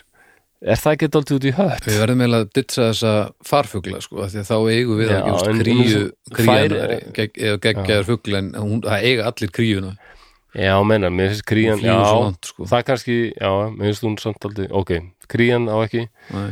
Nei, ég- mér finnst hrafnin vera mjög sterkur já, það Af því verður sko. að það mannstöttur hverju kvæði það komdu núna lundi vinnu minn og veitu með okkur síli, nei það komdu núna kríja mín og kokkaði hausinn þinn, en bara nei hettum áður en nei, við höfum heldur ekki lag um hettum á nei, við Við erum getum tónlistamör, við getum fiffa þetta Já, en það er bara- til að það komdu núna krummi minn og krummi Já, sem já, krungar úti og, Já, já. Þannig, að þetta er eini fuglinn sem við bara Já, við, við höfum svo mikla tengingu við hann hann er Lóan. gáfaður Lóa en- hann maður hann er alveg svo við, hann er gáfaður, hann er duglegur að bjarga sér og, og hann er svona, hann getur veitt eða hann notar hræ, hann bara notar hvað sem hann getur til þess að retta sér og hann þarf að þreyja þorran eins og við og, og veturinn Mér finnst þetta engin spurning sko Ég tengi ekki við allt sem hún taldur upp þarna sko. Nú, ok Nei. Eh, Ég held að krummin sé að mörguleiti veist, betri en við Já, Ég held að þetta maður velja fugg sem er meira eins og við sem er bara Ok, he- skúmu- skúmurinn. hettumárin eða- skúmurinn er alltof brútal kjói í bestafalli Nei, nei, það er bara hettumáur þú veist. Við getum bara plast og, Valdur Ragnarsson hefur semtur skúms orðunni Já, það er eitthvað Skúm skúm Já, það er- það er stíði fróða á dönsku, það já. borgar sig ekki sko Já, þú getur fengið svona flöðeskúm Order of the Skum Hefur smakkað flöðeskúm Það er svona Rjóma, rjóma Búið að sjóða sko- Rjómaður skúm í skúm. rjóma í, í hálfan sólenning Hvað svo lekur á Oh. beinunum að að Þetta er veistla Veistla Eitt við erum húsæk sagði mér að hann hefði skotið á skúm einu sinni Náði ekki að drepa hann í fyrsta skotinu Við gekk að honum Mm. Á var hann svona í döðu tegjunum Hann var búin að æla upp úr sér svona e, þremur fuglum Já, sem hann búin að gleypa það má ekki skjóta skúm held ég Eða ekki? Æ, Nei, þetta voru húsæk Nokkuð vissum Þeir náttúrulega skjóta bara Æ, ég held þetta, nú, ah, æ, þá þetta er fálkím Ég held þetta væri hérna rjúpa Ah. Þetta er öðruvísi öðruvísi lí, lífskilirði En hvernig Fólkið hérna fyrir sunnan getur náttúrulega ekkert skilið þessu. Nei, nei. En heyrðu þessi þáttur ekki orðin alveg bara Jú, hérna, en, geggjaður langt. en, en Ég hvernig, vissi það. hvernig fór þetta með hérna, þennan mann? Lifan bara hamgjusamur sem eftir var? Nei, hann, hann dó skömmu sinna Nú, ok. Já, bara tveimur árum eftir hann gafst upp að dóun úr krabba Nei, Já, helviti. Sæður ekki þeir eru allir verið hesta helsu, jú, jú nema hann. Nei, hann var það líka Þannig til að fyrir krabba. Já, já, Það er nú venjan. það er svörning hvort að hann hefur bara farið í, að farið í borginna og bara Já. þetta eitur hérna En allavega- Kannski þetta voru ómikil viðbyrðið Já, en Hann var allavega- orðin fullorðin daldi já, Fættur hann líka, 1919 allavega- sko, held ég Ná að- að- að giftast eftir uh, ástinni sín í lífinu og svona. Þannig Já. að við skulum nú Jú, ekki hann sláðið fæ- föstu þetta hefur einhverjar hörmungar það sem eftir var. Verður hann fættur 1919 mm. 29, 39, 49, 59, 69 Nei, hann var samt bara 50 og eitthvað Mm. Verða 60, 60 aldrei, já Vá maður, eigða meiri hluta æfinar í þessu Já, skrítin efum þér. En, En hann er, já, hann vakti dálítið svona vandamál sko En Mm. Hero og Nota er svona Hann er svona frægastur sem er miklu meiri vers, Já, hann held líka áfram að berja Já, það er rosa spes. Kolgeðu ykkur Já, er þetta þá komið það? Já, já, Þetta var nú helvíti skemmtilegt. er það? Já, Já, já. þetta er náttúrulega ekki eðlilega f- bara áhugavert og hellað sko. Hefði verið nóg að hafa bara þess að Japanum, ég stóð aldrei gaman að pæla í Já, já, það hefði alveg verið nóg en ég er mjög fegin og varst með fleiri. Já, Já, mest þetta alveg. var bara nógu skemmtilegt fyndið að minnast á þess að og ég er bara mjög gladur að þetta fór nákvæmlega svona og ég vil þakka Já. kærlega fyrir uh, þessa uppástungu að, að efni. Já, ég vona að drengurinn hefur gaman að þessu Já, ég vonaði líka og þetta var Hann viti meira um hryllilega þetta interessant. núna Ha, Hann viti meira um þetta núna og bara Já. hvað Japan var Okkur finnst það skríti núna en hérna, það var allt öðru í sér land Já, algjörlega. En núna er þetta bara skrítnir, skrítnar keppnir í sjónvarsþáttum og... Já, ekki bara. Við skulum- Við skulum nú- Nei, nei, nei skulum nú róa okkur flósið. Það er alltaf sko, undirlikandi er gamla taugin alltaf til Já, já. staðar og ég er í bara öllum löndum finnum aður. Mm. Það er alltaf, það sé- ég veit ekki um Ísland hvort það er ennþá eitthvað. Jú, jú, við erum alltaf kortir í að búku til kúkáhú, sko. Já, það, já. Já, já, einhver liti. Nema ekki Já, kúkáhús, ég veit jú, það, ég veit nei, það. Ég vil nei. ekki, ekki leira þetta með aftur með kúkáhús, en þið veitir hvað ég meina. Já, nei, já, já, bara torfið og eitthvað. Já, já. En heyrðu, takk fyrir þetta. Þetta var, þetta var einn af mínum uppáhalds þáttum hinga til. Já, já, frábært. Þetta, það var eitthvað, Eitt af þeim bestu á árunni bara. þetta, já, já, sveimir þá. Þáttur númer tvö. Sveimir þá. Eh, Já, já. Þannig að já, takk hérlega fyrir þetta maður. Eh, Takk fyrir að hlusta, við viljum líka þakka Borgbrukkúsi og Endilega. Bríó fyrir Rosalega lakkaði til að sjá Lóðastóla Larry. heldur betur og En- en... Flyover Iceland og líka bónus. Já. Takk kærlega fyrir aðstúðana Hvert fólk er að nota þetta flæja úr Æsland? Er, sagðir ekki að þetta væri Wild West? Jú. Já, þetta er, þetta er ekki eðlilega fallet landsfæði, ég get bara get lofað ykkur það. og uh, hérna, Íslandsferðin líka mjög skemmtilega Já, að já. drýfa ykkur það og svo skulle við fara og, og kaup ykkur hluti í bónus og, og, Já. og stiðja við það batteri sem er búið að- að að taka slægin Já, já. hans er lengi. Ég Það er að þurfa reyna allir að að laga kaupa. það sem er að. tangrem og sjampo og svona, það, það fæst í bónus, það þurfa allir að kaupa svoleiðis og Já, segðu. svo fæst rísgrón og það fæst karsteflur og það fæst líka mægis og, og það fæst líka súkulaði og líka bleiur og, og, og, og, og líka svona, svona, svona, svona brauð og, og líka svona, svona, svona, svona, svona bref til að þurka sig með að maður er búin að sulla á borðið og, og á sjálfan sig og svo svona fyrstiförur og þú ætlar ekkert að stoppa mig nokkuð tíma, nei ok Nei, dropi hafið, þáttur nú svo langur hvað sem er, ég ætla bara að sjá hvað það Já, endist. já, sko. ok Þetta er allt Og saman Hon- rétt. Mm. Honey Nut Cheerios sem ég elskaði þegar ég var lítill en ég, það er svo mikill sigur í því ég þóra ekki að borða það Hatar það sem gamall bumbukall. Já, allir það ekki En bumban er á undanhaldi, hins vegar. Já, ég voru tekið því já, já, já, þetta er allt, allt á Já. viðhaldi Það er ræktin og, og labba Já, Labba er alveg rosalega mikilvægt hver er þið trúaði að fara í ræktina og reyfa sér reglulega myndi hafa áhrif á líkamann Ekki því Ákveður var ekki búið að segja menn Þetta er sláandi En hérna umræðhópurinn sem við töluðum um um mitt það er drauga fortíðar umræðhópur á Facebook þið bara leitið að honum og endilega komið og, og kikið okkur þar Svo er það uh, hægt að gefa stjörnur á nokkrum vikstöðum þannig að þið með endilega gera það eða þið eru á, á hérna, Apple Podcast eða eitthvað svo leis þá með glöðin Endilega gera það stjórnum þar og svo erum við líka á Patreon og við hérna, viljum endilega hvetja ykkur til að skoða það máli ef þið eru ekki þar nú þegar og, og á sama tíma viljum við að sjálfsög þakka öllum þeim sem eru að stiðja okkur á Patreon fyrir hjálpina af því að það er stórkostlegt að vera með ykkur Já þar Ég, ég skortir orð fyrir þakklætið Já. Varðandi það Já, hér, segðu Herru, þá Þú held varst ég búin að þessu- minnast á umræðuhópin Ég var búin að því, já. Já, Já. hann er frábær Mælum við honum Já. Er þetta þá bara að hafast hjá okkur? Já, já Ekki, Þetta er búið þetta er búið Öllu er lokið Já Í byli Takk kærlega fyrir í dag og við heyrumst eftir viku